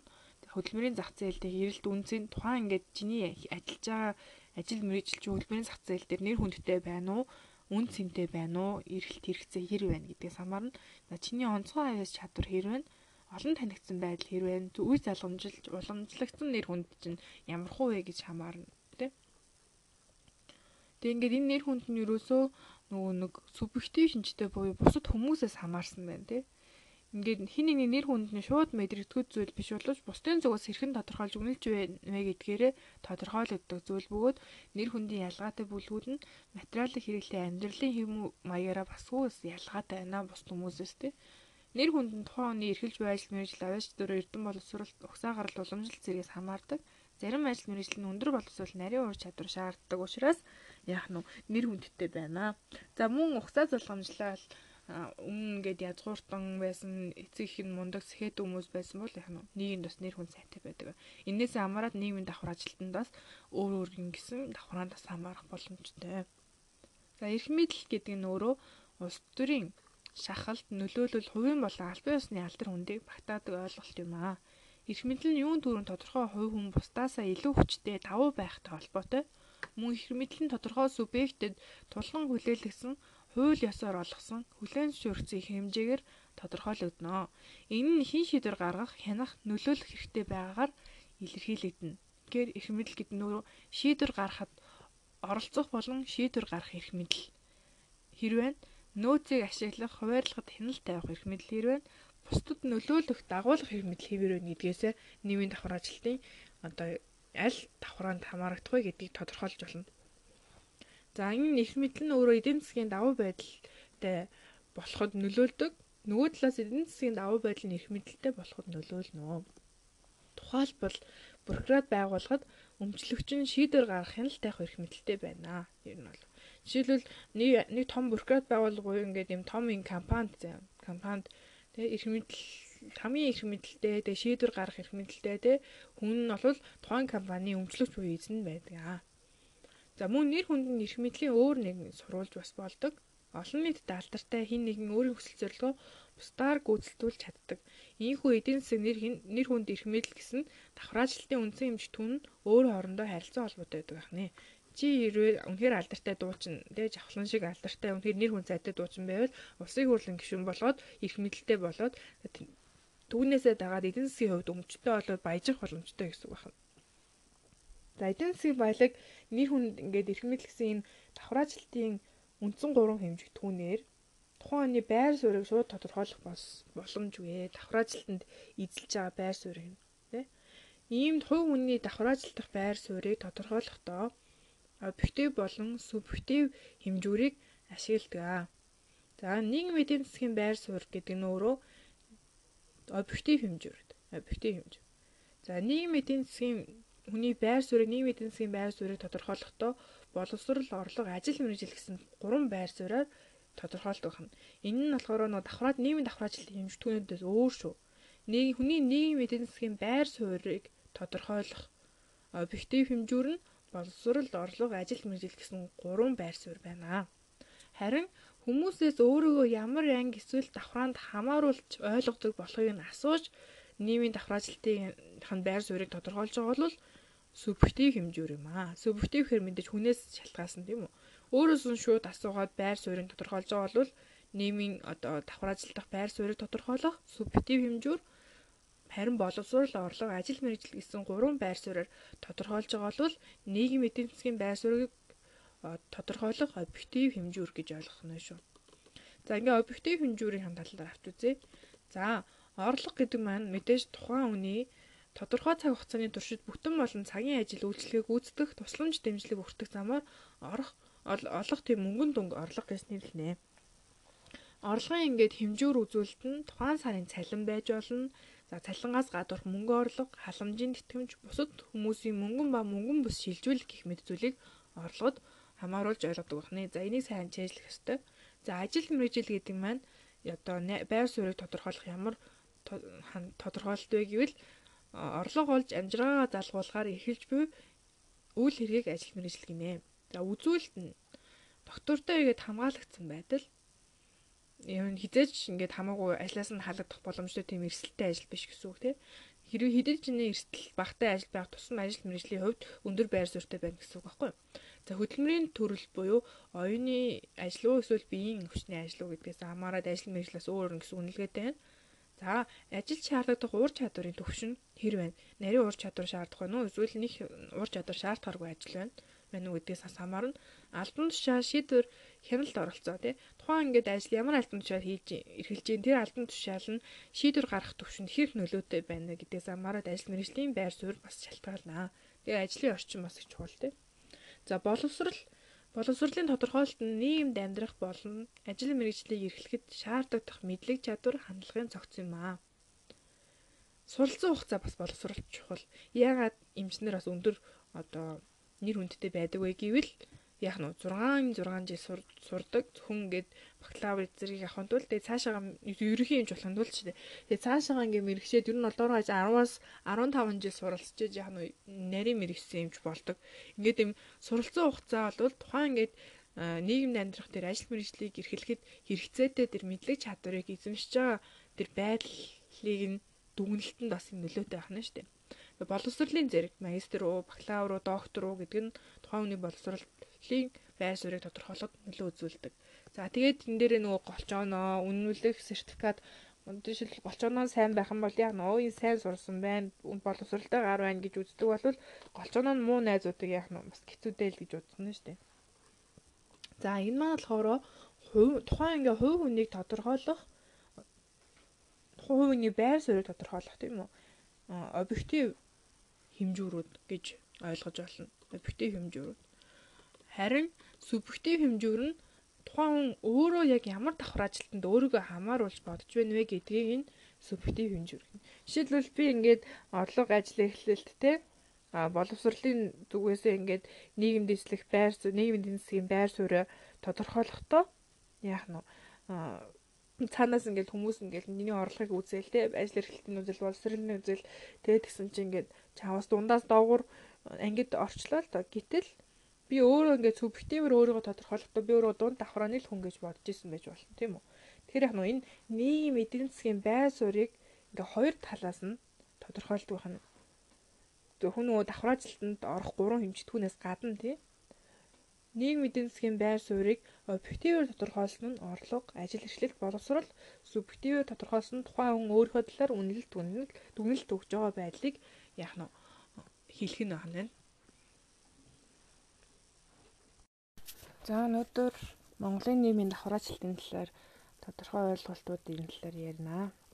За хамгийн түрүүнд Монголын нийгмийн давхраажилтыг авч үзэхийн тулд түүхэн үе болгонд жоохон өөр өөр гэсэн давхраажилтын хэм маягуудтай байсан байна. За нэгдүгээр 12-оос 13 дугаар зууны үе буюу хамаг Монгол болон их Монгол улсын үед тийм үү Чингис хааны үед ямар нийгмийн давхраажилттай байсан бэ гэвэл дээд дунд доод гэсэн ерөнхий давхраажилттай байжээ. За дээд давхраанд мэдээж алтан уургийнхан буюу талын язгууртнууд тэгээ мянгатын оюутууд тэргүүн бөөнөр ордог байсан бол дунд давхраад жирийн иргэд дотроо нөгөө улсын иргэн хувь иргэн гэж хуваагддаг байсан байна. Улсын иргэн гэдэг нь олон мянгуудад хуваагдсан хүмүүс өгөөд цэрэг ав хомрог зэрэг эзэн хааны гол авдыг гүйцэтгэдэг хүмүүс байсан байна. Аравтад, дээзуудад, мянгатад хуваагдсан хүмүүсийг улсын иргэн, хувь иргэн буюу харьяат иргэн нь тодорхой язгууртны харьяатууд бөгөөд мал сүрэг адуулах, хөтөч их, орд өргөнд зарагддаг тийм иргэдийг хувь иргэд гэдэг байсан байна. За ингээд доод давхраанд одоо нөгөө олдогдож ирсэн боолууд гэх юм битчлэнгийн хүмүүсийг оролцуулдаг байсан.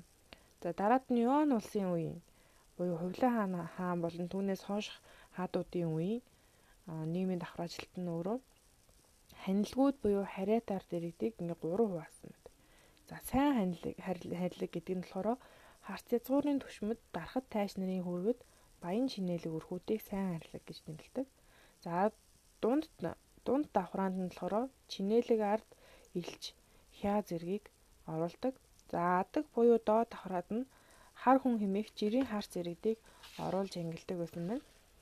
За үүний дараа манжин иргэшээлийн үеийн нийгмийн давхраачлалт нь дээд дунд доод гэсэн үнцэн маяга барьж явсан бөгөөд дээд давхраанд мэдээж хошуун ноёд тайж ламнар хошууны ноёдын олонх нь алтан уургийн одоо ноёдууд байсан. За мөн энэ ламнар болохоор нэлийн одоо өндөр дээд алдан тушаалтай ламнар юм шүү.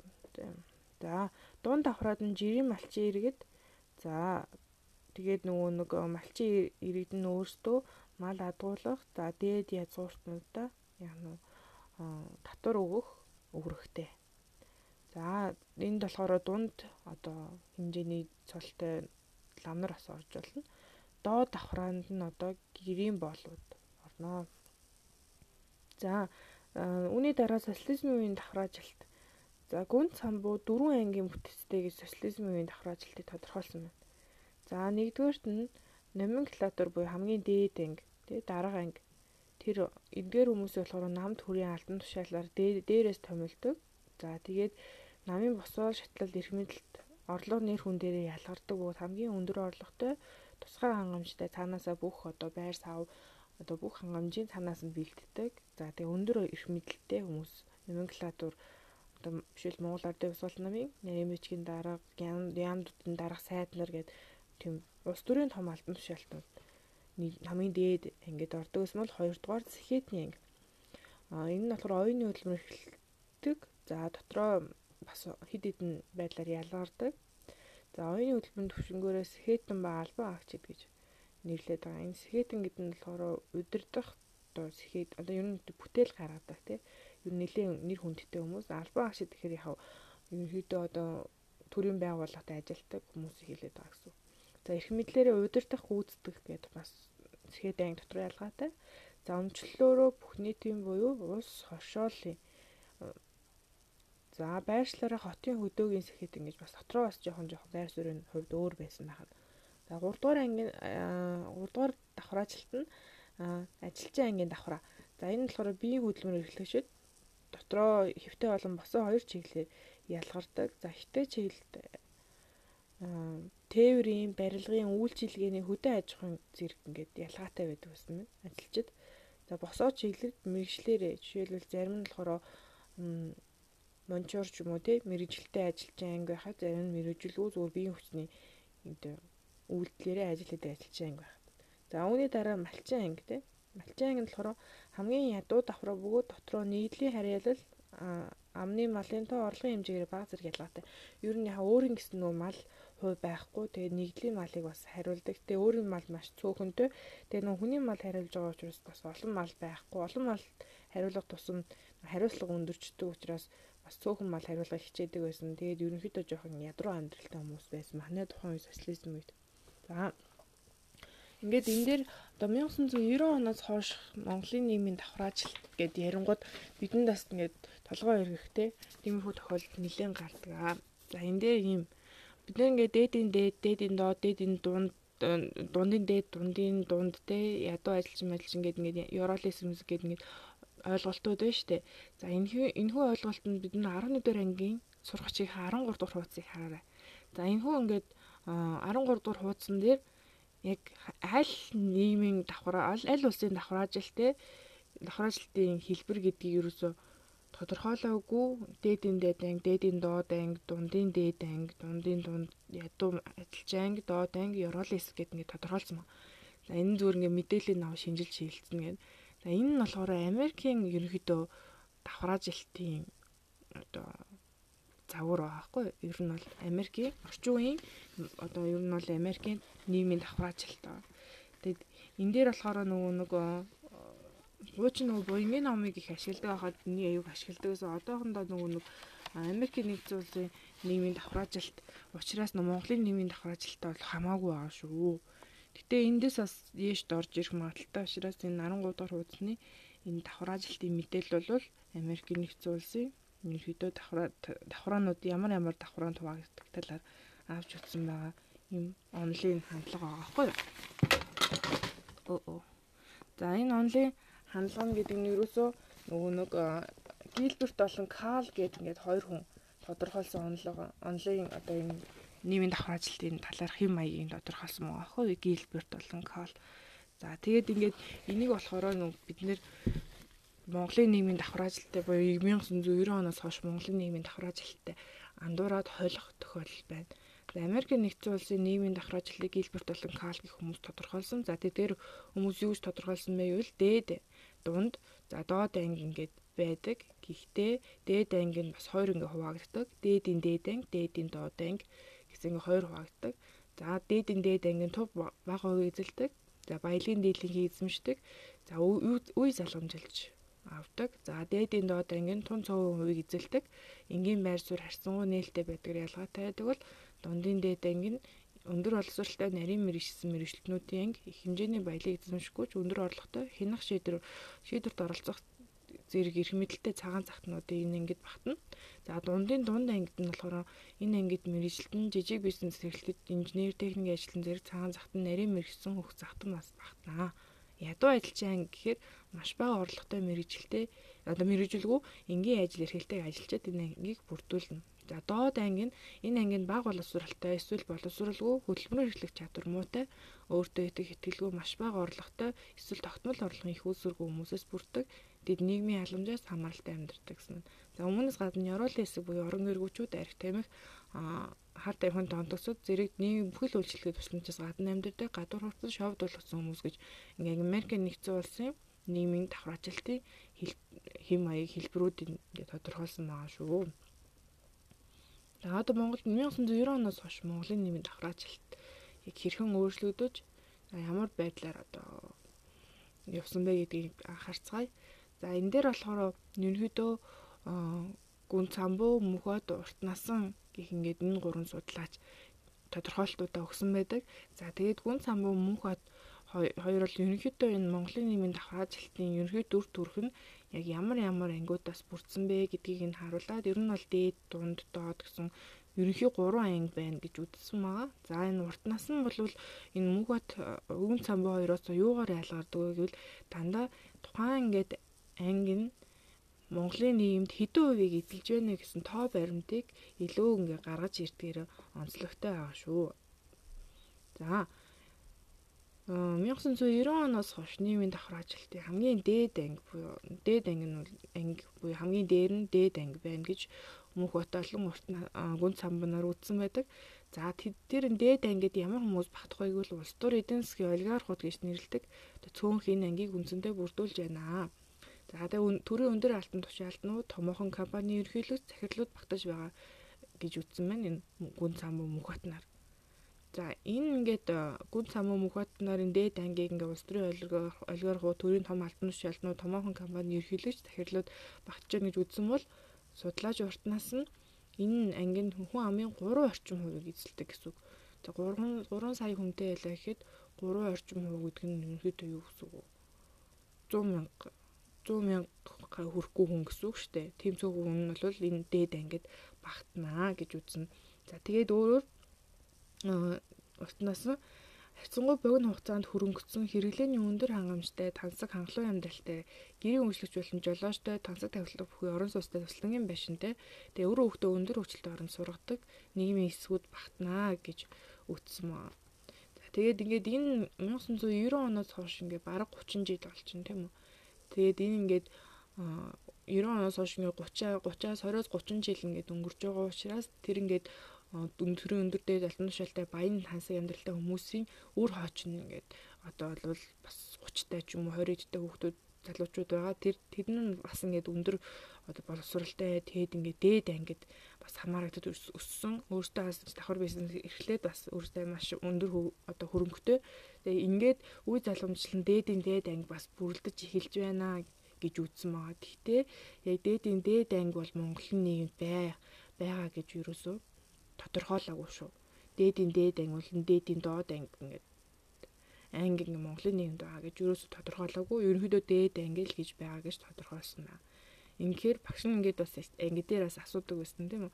Ийм дээдийн дээд дээдийн доод хэн тодорхойлсон бэ гэхээр бас ингээ хариултгүй өрүүлддэг байсан. Та нарыг ингээд илүү уншаасаа гэсэн үгнээс багш нь бас тодорхой бүр амар наривчлан тайлбарлаж өгөөгүй байсан. За инхээр яг нь дээдийн дээд дээдийн доод нь болохоор Америкийн нэгдсэн улсын нийгмийн давхар ажилтны ерөнхий загвар байгаа бол Монголын 90 оноос хойшх нийгмийн давхар ажилт нь дээд гэсэн ерөнхий нэг л ангид анги байх нэ. За дунд анги бол жоохон өөр.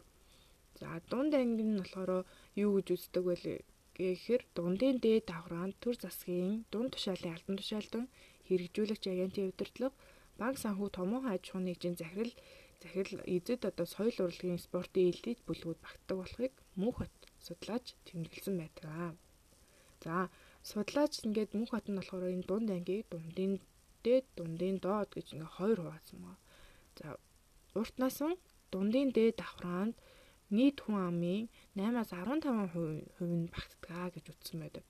За Дундын дээд давхраанд нь яг нь төр засгийн дунд тушаалын албан тушаалдан хэрэгжүүлэгч агентлаг удирдлага банк санхүү томоохон аж ахуйн нэгжийн захирал соёл урлагийн одоо элит бүлгүүд дунд ангид багтдаг байна. Тэгэхээр ингэнэ спорт соёл урлагийн элит бүлгүүд хаана багтдаг вэ гэхээр дунд дээд анги ч юм уу дээдийн доод бод гэж болохгүй дунд анги дундын дээд анги давхраанд багтдаг гэдгийг сайн ойлгож авах хэрэгтэй байна шүү.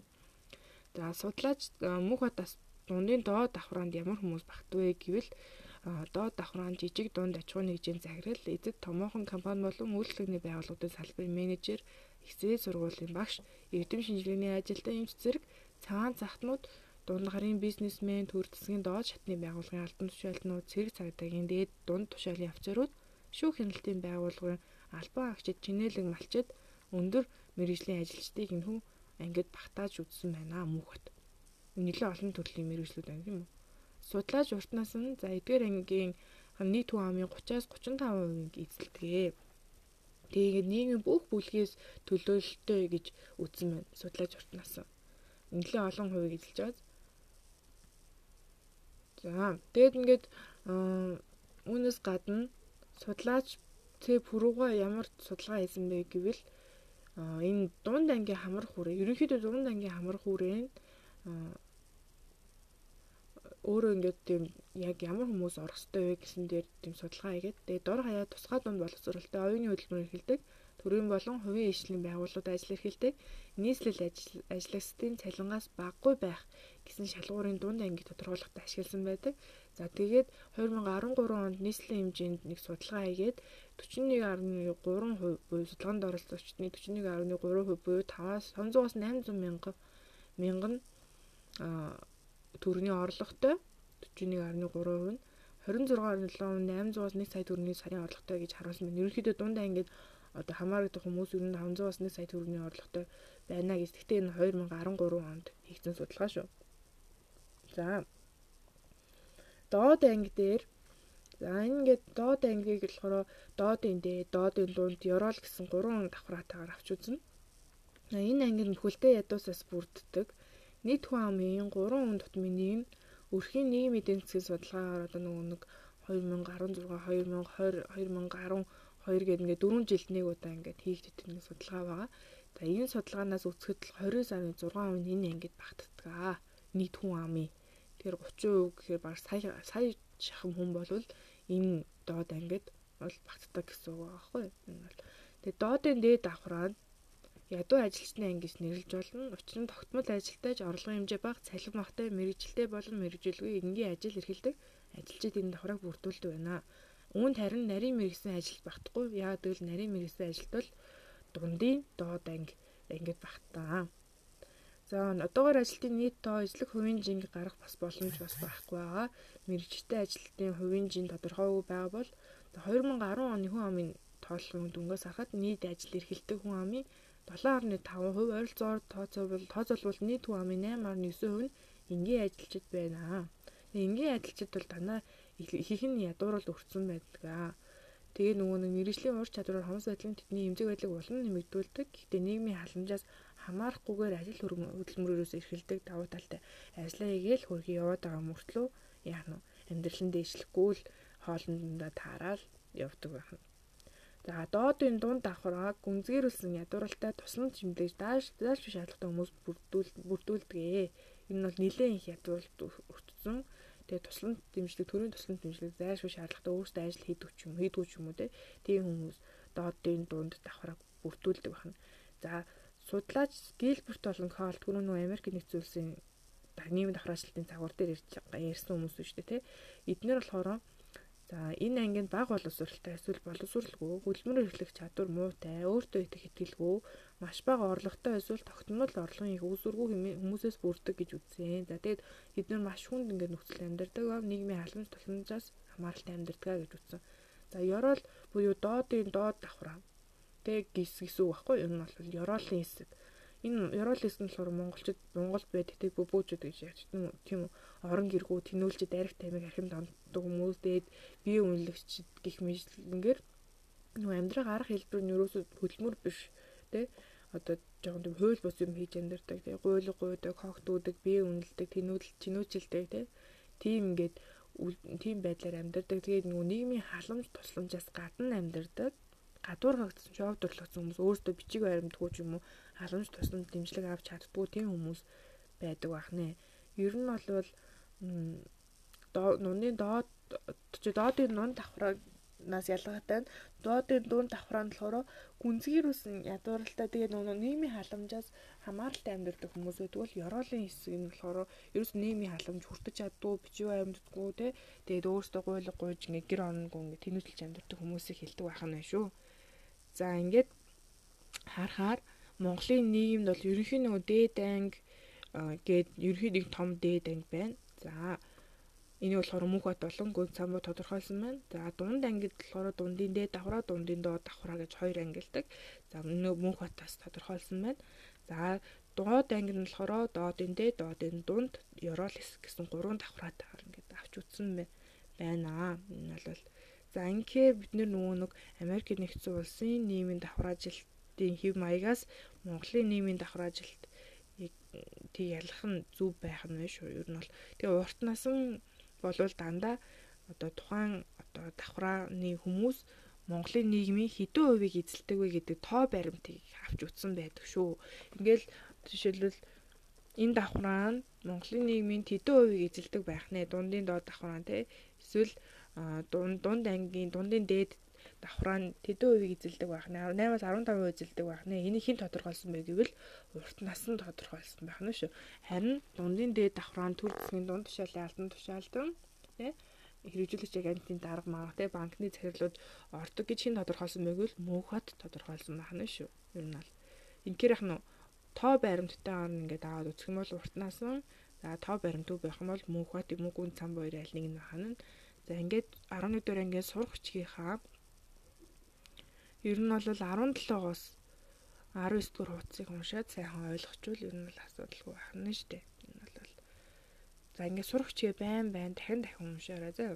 За тэгээд ерөнхийдөө бол буянгийн ном гэд барьдаг байсан үед бол яг нөгөө нэг энэ доодын дээд анги, доодын доод анги те эсвэл нөгөө нэг дундын дээд, дундын доод тэгээд дээдийн дээд, дээдийн доод их мэтлэн Америк нэгдсэн улсын нөгөө нийгмийн давхраачлалтыг бүр дэлгэрэнгүй үздэг байсан байхгүй ер нь бол яагаад Америк нэгдсэн улсын нийгмийн давхраачлалыг дэлгэрэнгүй үзэж байгаа гэвэл Америк нэгдсэн улсын тэр нийгмийн давхраачлалт нь дэлхийн ер нь их улсын нийгмийн давхраачлалтын хэм маяг те давхраануудад маш ойролцоо байсан учраас тэрийг ингээд үзүүлдэг байсан байна.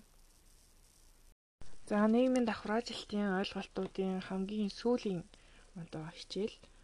За энэ одоо нийгмийн давхраачлалт яг юунаас болоод би болтын өмнөх хичээлүүдээр бас ингээд ерөнхийдөө үтсэн байгаа. Гэхдээ нийгмийн давхраачлалтын нөгөө гол тулгуур ойлголт буюу тэгш бус байдал тийм үү? Тэгш бус байдал болон ялгаатай байдал бий болоход нөлөөлдөг зарим нь одоо ойлголтуудыг үзнэ. Тэг хүн ер нь бол угаасаа л өөр өөр хоорондоо ялгаатай тийм үү? Нас хөөс, үндэс угсаа, тэгэл нөгөө нүүр төрх тийм үү? дайрсны өнгө тэгээд ингээд янз янзын тийм ялгаатай л төрдөг. Гэхдээ тэр ингээд өөрийнх нь ингээд төрмөл заягдмал шинжтэй тэр ялгаа нь нийгэмд үзүүлж байр суурийн одоо ингээд байр суурьтай нь холбоотой байгаа биш байхгүй. Ер нь бол тэг төрхөөсөө одоо хараа ястай төрсөн учраас нийгэмд ядуу амьдрах ёстой гэсэн үг биш. Харин тэр ингээд төрхөөсөө хараа ястай ч юм уу эсвэл одоо төрхөөсөө ядуу ингээд амьдралтай өссөн хүн угаасаа ийм байх ёстой гэсэн ядуу байх ёстой ч юм уу те дээшээ гарах боломжгүй гэсэн тэр ойлголтыг нийгмийн тэр бүтцийн орчин нөхцөл те бусад хүмүүсийн өгж байгаа үнэлгээнд бий болгоод байгаа байхгүй ер нь бол. Тэр ингээд хид хидийн ингээд олон хүмүүс ингээд ялгаад нийгэмд ингээд ялгаатай байгаа тий тэгшвэс байдал үүсгээд байгаа хид хидийн ойлголтууд байна. За энэ талаар авч үзэн. За тэгээд тэгшвэс байдлыг өөрчлөх боломжтой юу тий хүн ингээд яаж ингэж өөрийнхөө байр суурийг өөрчилдөг вэ гэдэг талаар авч үзнэ. За ингээд тэгшвэс байдал үүсгдэг хэд хэдэн ойлголт байгааг хамгийн түрүүнд гендер тий гендер гэдэг үүс гэсэн хоёр ойлголтоо бид нэ сайн ялах хэвээр. За хүүс гэдэг нь бидний ингээд заягдмал буюу төрөлхөөс бий болсон хүүс тийм үү эрэгтэй эмэгтэй одоо хүмүүсийн биологийн буюу бие махбодын ялгааг хүүс гэж нэрлэнэ. Эрэгтэй эсвэл эмэгтэй яг төрхөөсөө бий болсон хүүс тий биологийн хүчин зүйлээс энэ эрэгтэй энэ эмэгтэй гэсэн ойлголтыг энэ хүүс гэж нэрлэдэг.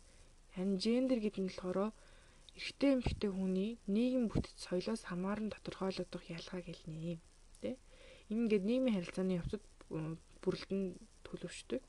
Эрэгтэй хүн хүнд ямар их хэвтэй эмэгтэй хүн ямар их хэвтэй гэсэн тэр үүрэг ойлголт те эрэгтэй эмэгтэй хүмүүсийн нийгэмдэр байгаа ялгааг гендерээр тодорхойлно. Ер нь бол нийгмийн хүүс гэж нэрлэдэг гендерийг биологийн хүүс болвол хүүс гэж нэрлэдэг байгаа. Нь бол тэгэхээр ингээд нөгөө нэг гендер гэдэг нь болохоор эрэгтэй эмэгтэй хүмүүсийг хитрхи одоо хитрхи жоохон эрэгтэй эмэгтэй хүмүүс яг юу хийж болох вэ? Одоо юу одоо хийхийг хүсэх ёстой тий? Юу хийвэл илүү сайн байх вэ гэдгийг одоо тодорхойлсон нийгмийн ойлголтыг бас гендер гэж хэлдэг байгаа байхгүй юу? Ер нь бол Тэгээ зарим нийгэмд болохоор эмэгтэй эрэгтэй эмэгтэй хүмүүсийн гендерийн тэгш байдал байхгүй байна гэж хэлээд байгаа. Энэ болохоор эрэгтэй эмэгтэй хүмүүсийн хүүсийн хувьд яг нь ижил тэгш биш байна тий. Яг энэ хүүсээсээ болоод ялгарлан гадуур бол өртөж байна гэсэн үг байхгүй юу. Тэгээ гендер дээр бид нар бол яг ямар зүйлийг авч үзэхгүй вэ гэвэл биологийн талаарх ялгааг бол авч үзэхгүй. Жишээлбэл эрэгтэй эмэгтэй хүмүүс одоо хүүхд төрүүлэхтэр ялгаатай байна. Энэ бол гендрийн асуудал гэж хэлж юусоо болохгүй нь бол хүүсийн асуудал. Ягаад гэвэл уусаал төрхөөсөө байглаасаа эмэгтэй хүн хүүхд төрүүлдэг гэсэн тийм одоо өгдөлтэй учраас энийг бол гендертэй ерөөсө холбож ярьж болохгүй. Тэнгүүд одоо ингээ хүмүүс гендрийн талаар гендрийн тэгш байдлын талаар ярингууд тэгвэл баг эрэгтэй хүн ингээд хүүхд төрүүл төрүүлвэл өрүүлэх ёстой гэсэн ухааны юм ярих гэж нүг гэдэг ингээд шоолох маяг юм яриад байдаг тий.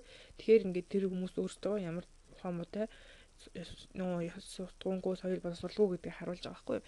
Гендер гэдэг чинь ерөөсөө л нийгмийн ялгааг нь л одоо харуулж байгаа. Тэр ихтэй эмэгтэй хүмүүсийн сурахад ямар ялгаатай байна те сурахад ижил тэгш байх ёстой дээд энэ тэгш байдал гэдэг чинь ажиллахад ижил тэгш байх эрхтэй байх их мэд зүйлийг харуулж байгаа болохоос биш ямар нэг үйл бодлоо илэрхийлэл одоо ижил тэгш эрхтэй байх ёстой гэсэн үйлдэлүүдийг хийж байгаа болохоос биш зүгээр одоо эрэгтэй хүнд сахал ургаад те ингээд сахалтай нэмэгтэй хүн яага байж болохгүй юм тийм хүн биологийн тэр ялгааг нь дүүвэлгэж гарах тэмцэж байгаа зүйл юусоо биш ээ. Тэгэхээр биологийн хүүс буюу хүүсийг гендрээс ялгах хэрэгтэй гэдгийг яах нь анхаарах хэрэгтэй. Тэгээ гендрээс болоод яах нь ерөнхийдөө одоо ингээд эмэгтэйчүүдийн ингээд ажил эрхлэлтийн хувь нь ерөөсө бүх салбарт эрэгтэй хүмүүсээс бага байдаг. Гэтэ яг багш нарын хувьд харьцангуй яах нь эрэгтэй эмэгтэй хүмүүсийн одоо хүүсийн хувьд эрэгтэй хүмүүс багш болоход айгүй бага багш байд багш энэ орон тоо байдаг. Тэгээ энээсээ үүдээд бас нэг талын гендер ялгаа гардаг нь ичнээ сайн мундаг эмэгтэй багш байгаад эрэгтэй одоо багшаас дор үнэлэгдэх те. Тэгээд эрэгтэй багш илүү амархан ажилд орох тийм боломжтой болох зэрэг юм шудраг бас үйлдэлүүд гарч байгаа тийм үү. Тэгээд ингээд нэг одоо инженер ч юм уу томон компани том том инженер менежерүүдийг хадандаа эрэгтэй хүмүүс байх жишээний. Тэг ингээд эрэгтэй эмэгтэй хоёр хүн адилхан нэг ажилд орсон ч гэсэн цалингийн хувьд эмэгтэйчүүд дандаа одоо бага цалин авч байна гэдгийг анхаарах хэрэгтэй. Гэхдээ ингээд бидний ойр тойронд ингээд эмэгтэйчүүд өндөр цалин аваа тий адилхан цалин аваад явж байгаа хүмүүс байгаа. Гэхдээ энэ нь бол дэлхийн нийтээрээ одоо яригдах асуудал учраас ийм асуудлыг хөндөд байгаа. Тэр зарим хүмүүс тэгдэг өрхийн хувьд тий нэг гэр бүлтэй ярихад ээж нар илүү их мэдлэлтэй байгаа штэ гэдэг өөрийнхөө нэг ойр татнаар ингээд тооцоолоод төсөөлөд байдаг бол яг үндэ эмэгтэй хүмүүс ингээд гэр бүлийн өмшрөлд өртөж байгаа дарамтлуулж байгаа эмэгтэй хүмүүс бас маш олон байгаа дэлхийдэр тийм үү. Тэрийг бид нэр бас ингээд анхаарах шаардлагатай байна. За үүний дараагийн ойлголт нь угсаатны нийтлэг. За нийтлэг гэдэг нь болохоор тодорхой ингээд юм ялгаатай шинжээрээ нэгдэж нийлсэн хүмүүсийг бүлгийг л хэлж байгаа тийм үү. Угсаатны нийтлэг гэхээр бид нар бол өөр өөрийн гэсэн ингээд үндэс угсаатай, хил соёлтой, түүх зам заншилтай, тэгээ газар нутгтай шашин ингээд шашинтай байдаг тийм хүмүүс. Тэр ингээд үндэс усаа хэл соёл түүх зан заншил газар нутаг шашнаараа ингээд нэгдмэл нийтлэг байгаад нэг одоо тийм бүлэг нийтлэг болж байгаа нь ухсаатна юм аа. Ер нь бол ухсаатны бүлэг нь улс төрийн үйл явцын нэг хэсэг бөгөөд түүний үр нөлөөр бүрэлдэнэ. Тэгээ манад ер нь ухсаатны бүлгүүд хоорондоо тийм сүрхий дайсагналцсан харилцаатай байдгүй. Ерөнхийдөө төвийг сахисан шинжтэй их тайванжаар амьдардаг байгаа. Жишээлбэл нөгөө казак үндэстэн байна тийм ухсаат нь Казакууд бол биднээс угсаатан тэгэл соёл түүх зан заншлаараа ялгаатай мөртлөө тэгээ шашнараас ялгаатай мөртлөө бид нартай ингээд нэг доор ингээд сайхан амьдарч штэ. Ер нь бол тэгээд ингээд зарим улс үндэстэн зарим ингээд улсууд болохоор өөрийн угсаа үндэс угсаа шашин шүтлгээр ингээд ялгуурлдаг тий тухайн угсаатын нийтлгүүдийг ялгуураад ялгуурлаад ямар давхраанд багтах нь ерөөсөө нөгөө тухайн хүний үндэс угсаа арьс өнгөний шинжээс хамаардаг тийм нийгмүүд их байдаг байхгүй ер нь бол.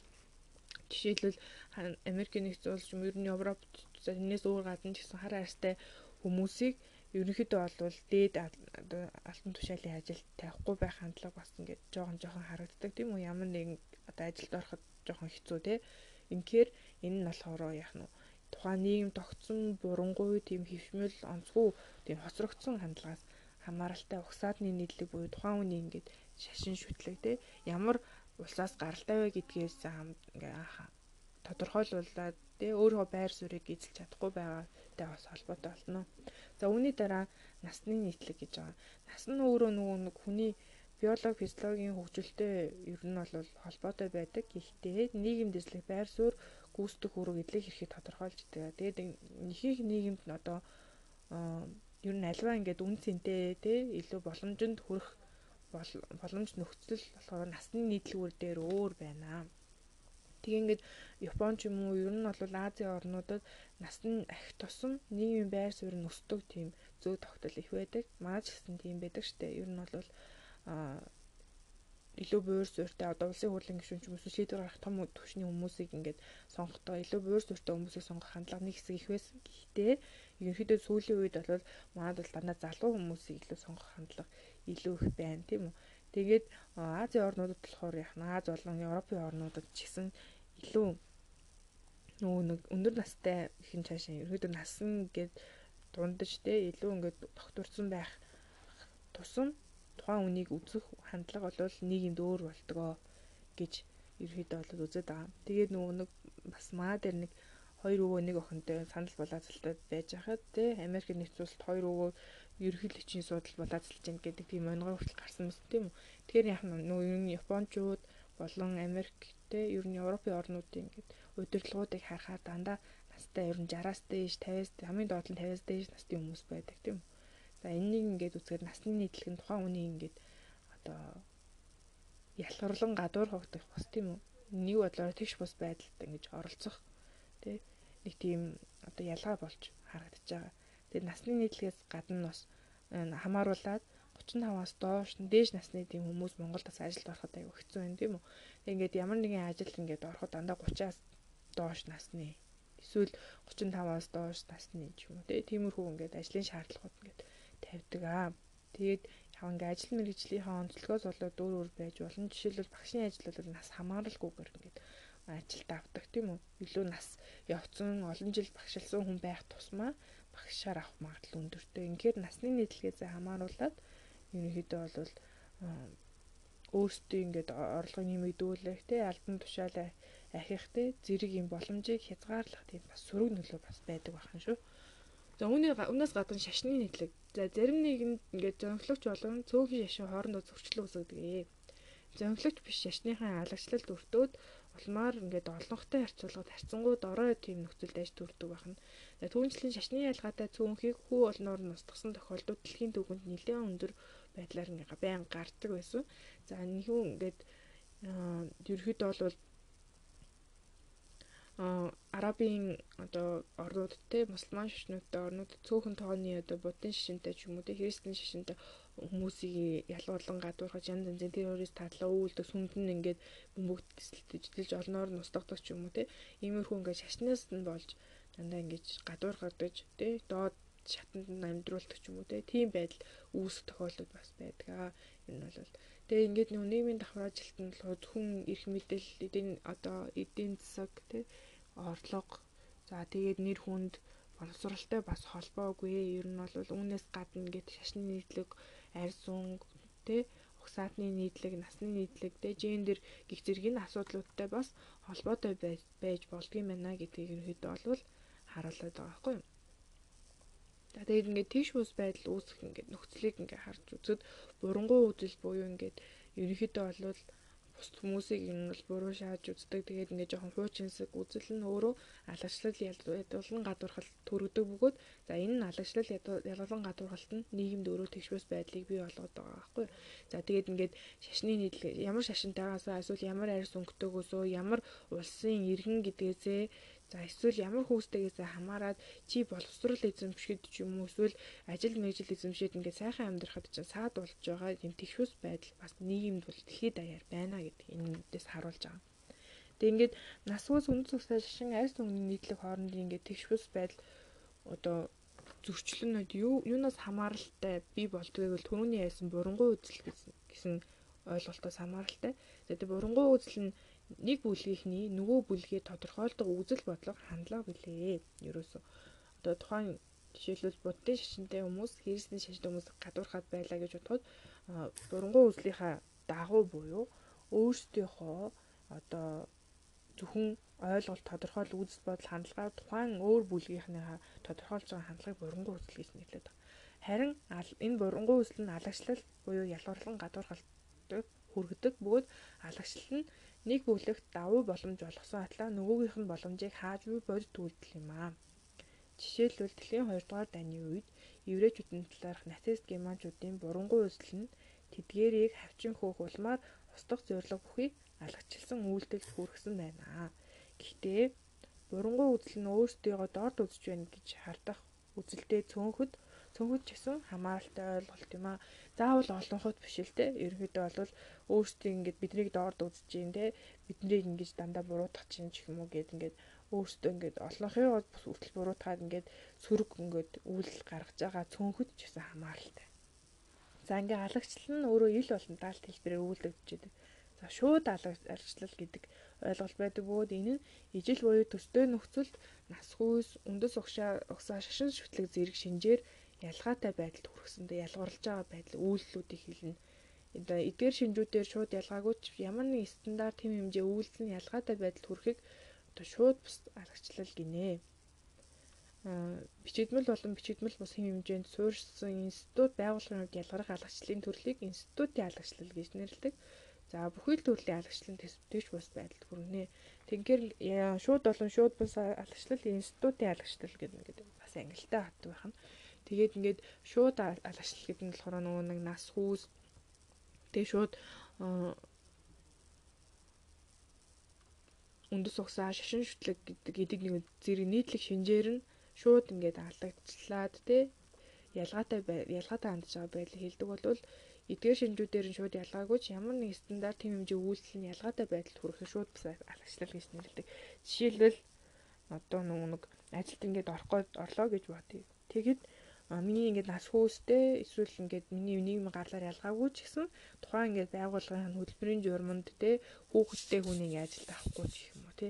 Тиймэрхүү ингээд одоо журамд заагдсан байвал нь бол шууд бус те өөрсдийнхөө стандартаар ямар нэгэн байдлаар алгачилж байгаа байдлыг бол шууд бус алгачиллаа гэж нэрлэдэг байгаа байхгүй. Энэ бол За ингээд хүн ингээд энэ ингээд олон тэгш бас байдал те ялгаа ялгааны дүнцэн дээрээс ингээд боломжуудаа бас хязгаарлуулах тохиолдлууд байна. Тэгээд байр суурь өөрчлөх чадахгүй байх тохиолдол байна.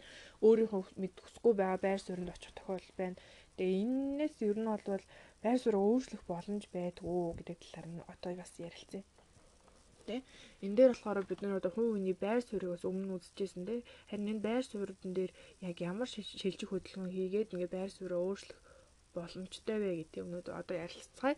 За байр суурь нь шилжих хөдөлгөөн гэдэг нь өөрөө хувь хүн нийгмийн бүлгийн байр суурь өөрчлөгдгийг байр суурийн шилжих хөдөлгөөн гэж нэрлэдэг. За байр суурийн шилжих хөдөлгөөн бол ингээд нэлээд олон ингээд ангилалтай. За ерөнхийд нь чиглэлээр нь хувь хүнээс нь хамаарч байгаа хэсгээс нь төрлийн байр суурь өөрчилж байгаа хэсгээс нь ингээд гурван үндсэн байдлаар ингээд дотор нас олон ангилдаг. За байр суурийн шилжих хөдөлгөөнийг ер нь бол чиглэлээр нь босоо болон хэвтэй гэж ангилаад байгаа.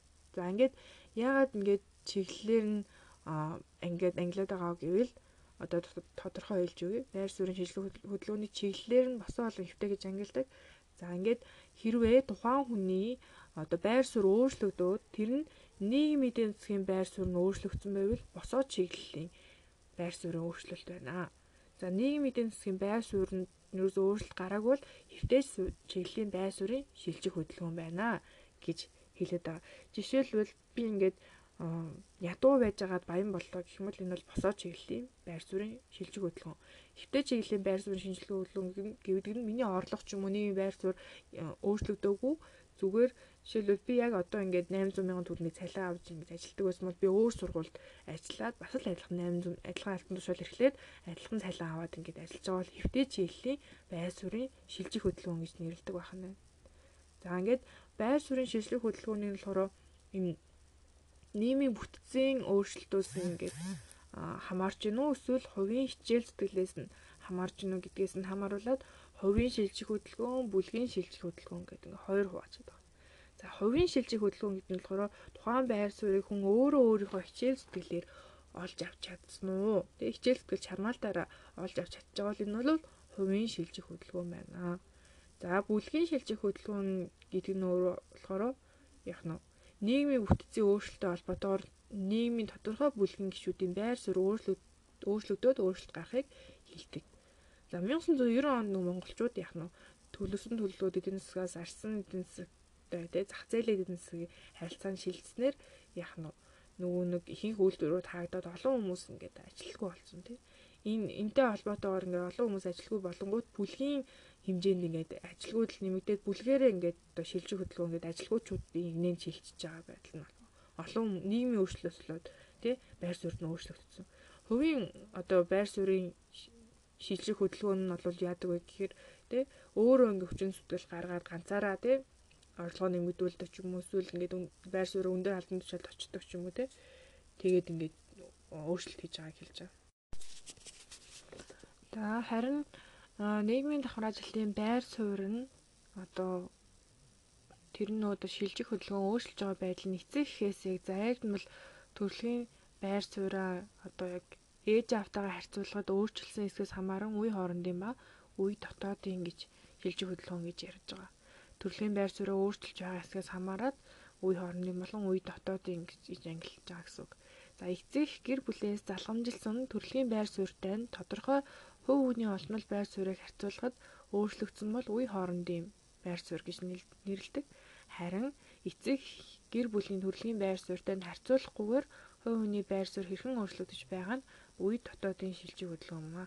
Жишээлбэл бат бат одоо ажилчин ажил ажилчин байж байгаад ажил хийж байгаад их сургууль сураад их сургуульд одоо ажилдаг болвоо гэд ингээд байр суурь өөрчилж штэ. Тэгээ ингэж байгаа нь болохоор үе дотоод юм баггүй.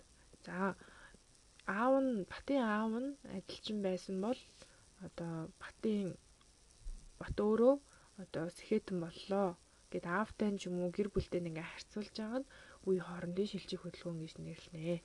За ийм байдлаар шилжих байр суурийн шилжих хөдөлгөөн өгөгддөг. За энэ нийгэм судлал 11 дугаар ангийн сурах бичгийн 27 дугаар хуудаснаас бүр сайн ингээд анхаарч хараарай. За энэ дээр нэг Косер гээд Эрдэмтэн буюу Америкийн социологчийн энэ байр суурийн шилжлэх хөдөлгөөнтэй холбоотойгоор судалсан судалгааны үр дүн дээр ингээд нийгмийг хоёр ангилсан байдаг. Хаалттай болон нээлттэй гэдэг ингээд хоёр нийгмийн хэв маягийг тодорхойлсон байдаг. За босоо чиглэлийн болон хувийн үе хоорондын байр суурийн шилжих хөдөлгөөн хийх боломжтой нийгмийг нээлттэй нийгэм гэж нэрлэдэг байгаа. За байр суурийн шилжих хөдөлгөөний дурдсан төрлүүд ингээд босоо чиглэлийн болон хувийн үе хоорондын байр суурийн шилжих хөдөлгөөн хийх боломжгүй нийгэм нь хаалттай нийгэм гэж тодорхойлсон байна. За ингээд энэ нөгөө нэг нийгмийн өөрчлөлтөнд нэг талаас байр суурийн хөдөлгөөн хэрхэн явагдаж байгаас хэрхэн хамралтай байдаг бол нөгөө талаас нийгмийн өөрчлөлт нь хүний байр суурийн хөдөлгөөнд нөлөөлдөг байх нь байна тий. Нэг талаас ингээд хүний өөрөө байр суурийг өөрчилж байгаа тэр хил байдал нь нийгмийн өөрчлөлтөнд нөлөөддөг болвол нөгөө талаас нийгмийн өөрчлөлт нь тухайн хүний байр суурийг бас өөрчилдөг байх нь гэх хоёр талтай тий. За ингээ орчин үеийн нийгэм бол нөгөө өөрийнхөө байр суурийг өөрчлөө шилжих хөдөлгөөн чөлөөтэй их боломжтой бол харсангуй сайн болж байгаа тий. Хин ер нь хижээж ажиллана тэр хүн амжилтанд хүрдэг тий одоо өвчний ядуу амьдралтай байсан ч гэсэн өндөр дээд алтан тушаал түрхтэй авиас чадраа ашиглаад боловсралтай болоод тэгээд ингээ байр суурь өөрчлөх боломж бол харьцангуй нээлттэй болсон бол нөгөө талаасаа нөгөө нэг тэгш бус байдал маш их байгаа учраас тэрхүү ингээд өндөр дээд байр суурь өөрчлөхтэй байр суурьнд хүрэхтэй боловсрал сайн эзэмших хүртэл яг нь тэгш бус байдлын нөлөөгөөр харьцангуй тийм янз янзын боломжит нөхцлүүд бий болж байгаа байхгүй. Энэ нь бол тухайн ингээд боловсрол эзэмших ямар боломжтой байна гэдэг нь бас өөр өөр байгаад байгаа. Жишээлбэл баян айлын хөвгтөл өндөр боловсрол эзэмшээд амжилттай явах боломж маш ихтэй байхад ядуу айлд бол сайн сургуульд яваад өндөр боловсрол эзэмшихэд жоохон асуудалтай байна. Ер нь бол тэгээ энэ нь болохоор нөгөө нэг доод болон дээд ангид дээд дунд ангиудад үзүүлж байгаа төрийн тусламж үйлчил гэдэг юм уу тэр нь харилцан адилгүй ялгаатай байгаа гэдэг бол ажиглаж байгаа хаа За ингээд үүний дараагийн сэдв нийгмийн өөрчлөлт гэсэн сэдвийг багш нь маргааш оруулна. За ингээд ерөнхийдөө нийгмийн давхраачлалтын ингээд гурван хичээлийг дамжуулан ингээд ярьж өглөө тэгээ нийгмийн давхраачлалтыг ингээд байн байн дахин дахин уншихгүй бол ер нь бол асуудалтай мартах магадлал өндөртэй байдаг учраас нийгэм судлал 11 дугаар ангийн сурах хүчгээ сайн уншаарай. За амжилт хүсье.